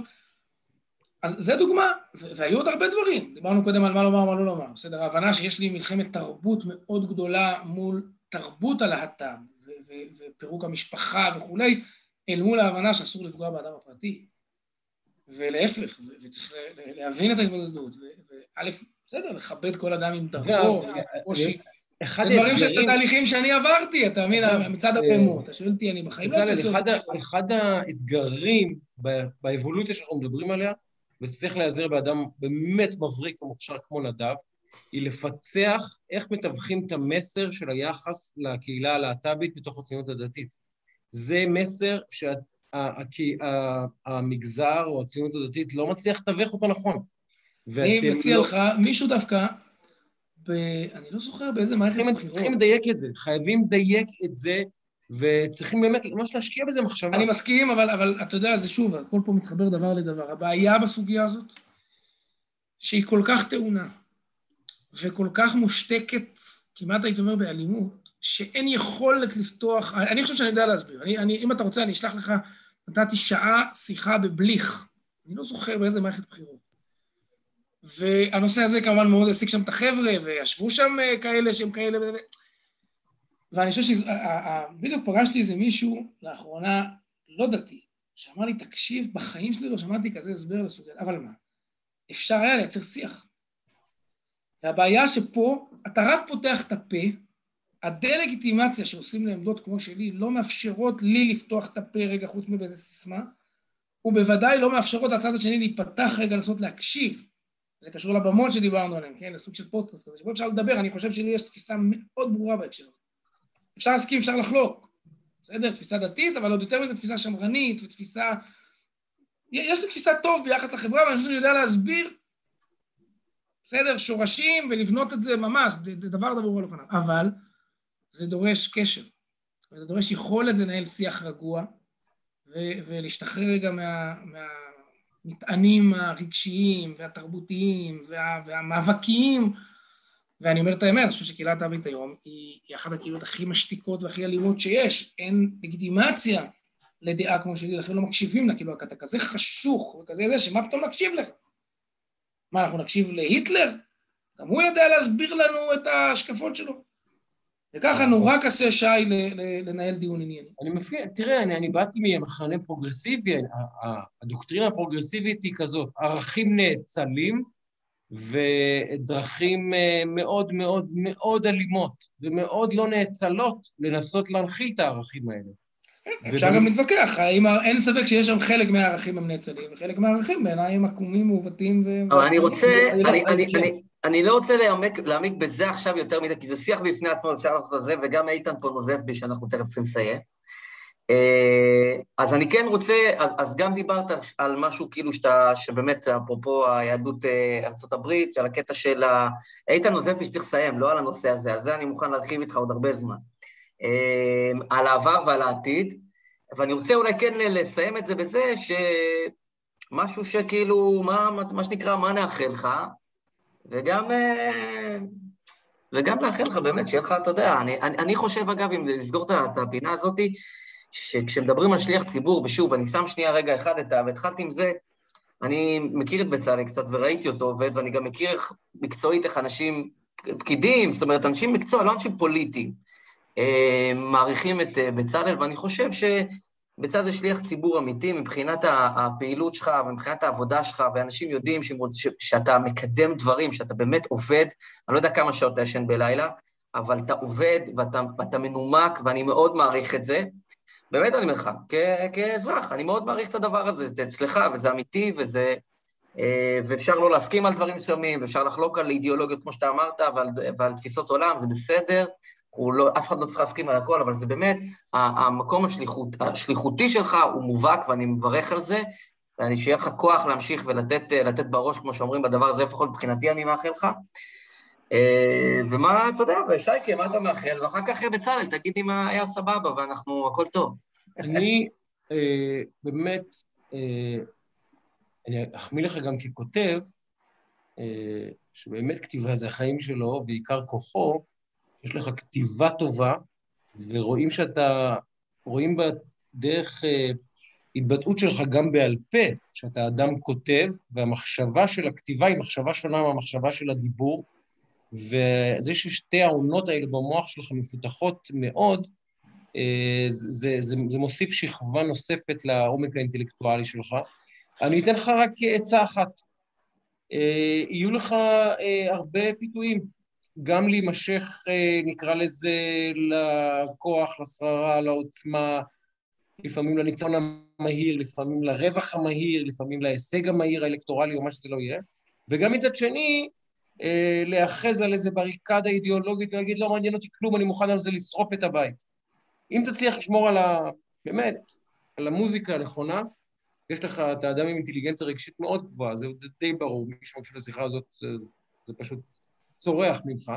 אני חושב שתגיע מאוד מאוד מאוד רחוק, ודעתי נכנס עכשיו לחמש שנים הכי הכי מעניינות וחשובות בחייך הפוליטיים. אם תנהל אותם נכון, בצד של החמש שנים, בסוף החמש שנים האלה, לדעתי אתה תהיה במקום מאוד מאוד משמעותי ודרמטי בחיינו כולנו הציבוריים, אין לי ספק בזה. אבל זה, זה שלך, זה שלך ממש לעשות. א', תודה, מזל שיש לי זקן, אז לא רואים שאני מסמיק. אה, תודה, היה טוב, היה מרתק. אה, כן, נשתדל, גם אגב על הדיבור, אצלנו תמיד אומרים שלאדם מערכי לב ומהשם מענה לשון. אז אה, אני אגב אומר את זה, תדעו לכם, שש שנים לפני כל ראיון, וכל נאום, וכל שיחה, לאדם ערכי לב ומהשב על הלשון, ואנחנו... תודה חברים, הבכתם אותי לקראת הסוף, אבל באמת תודה רבה. תודה. בצלאל, כיף גדול, תודה רבה על הזמן.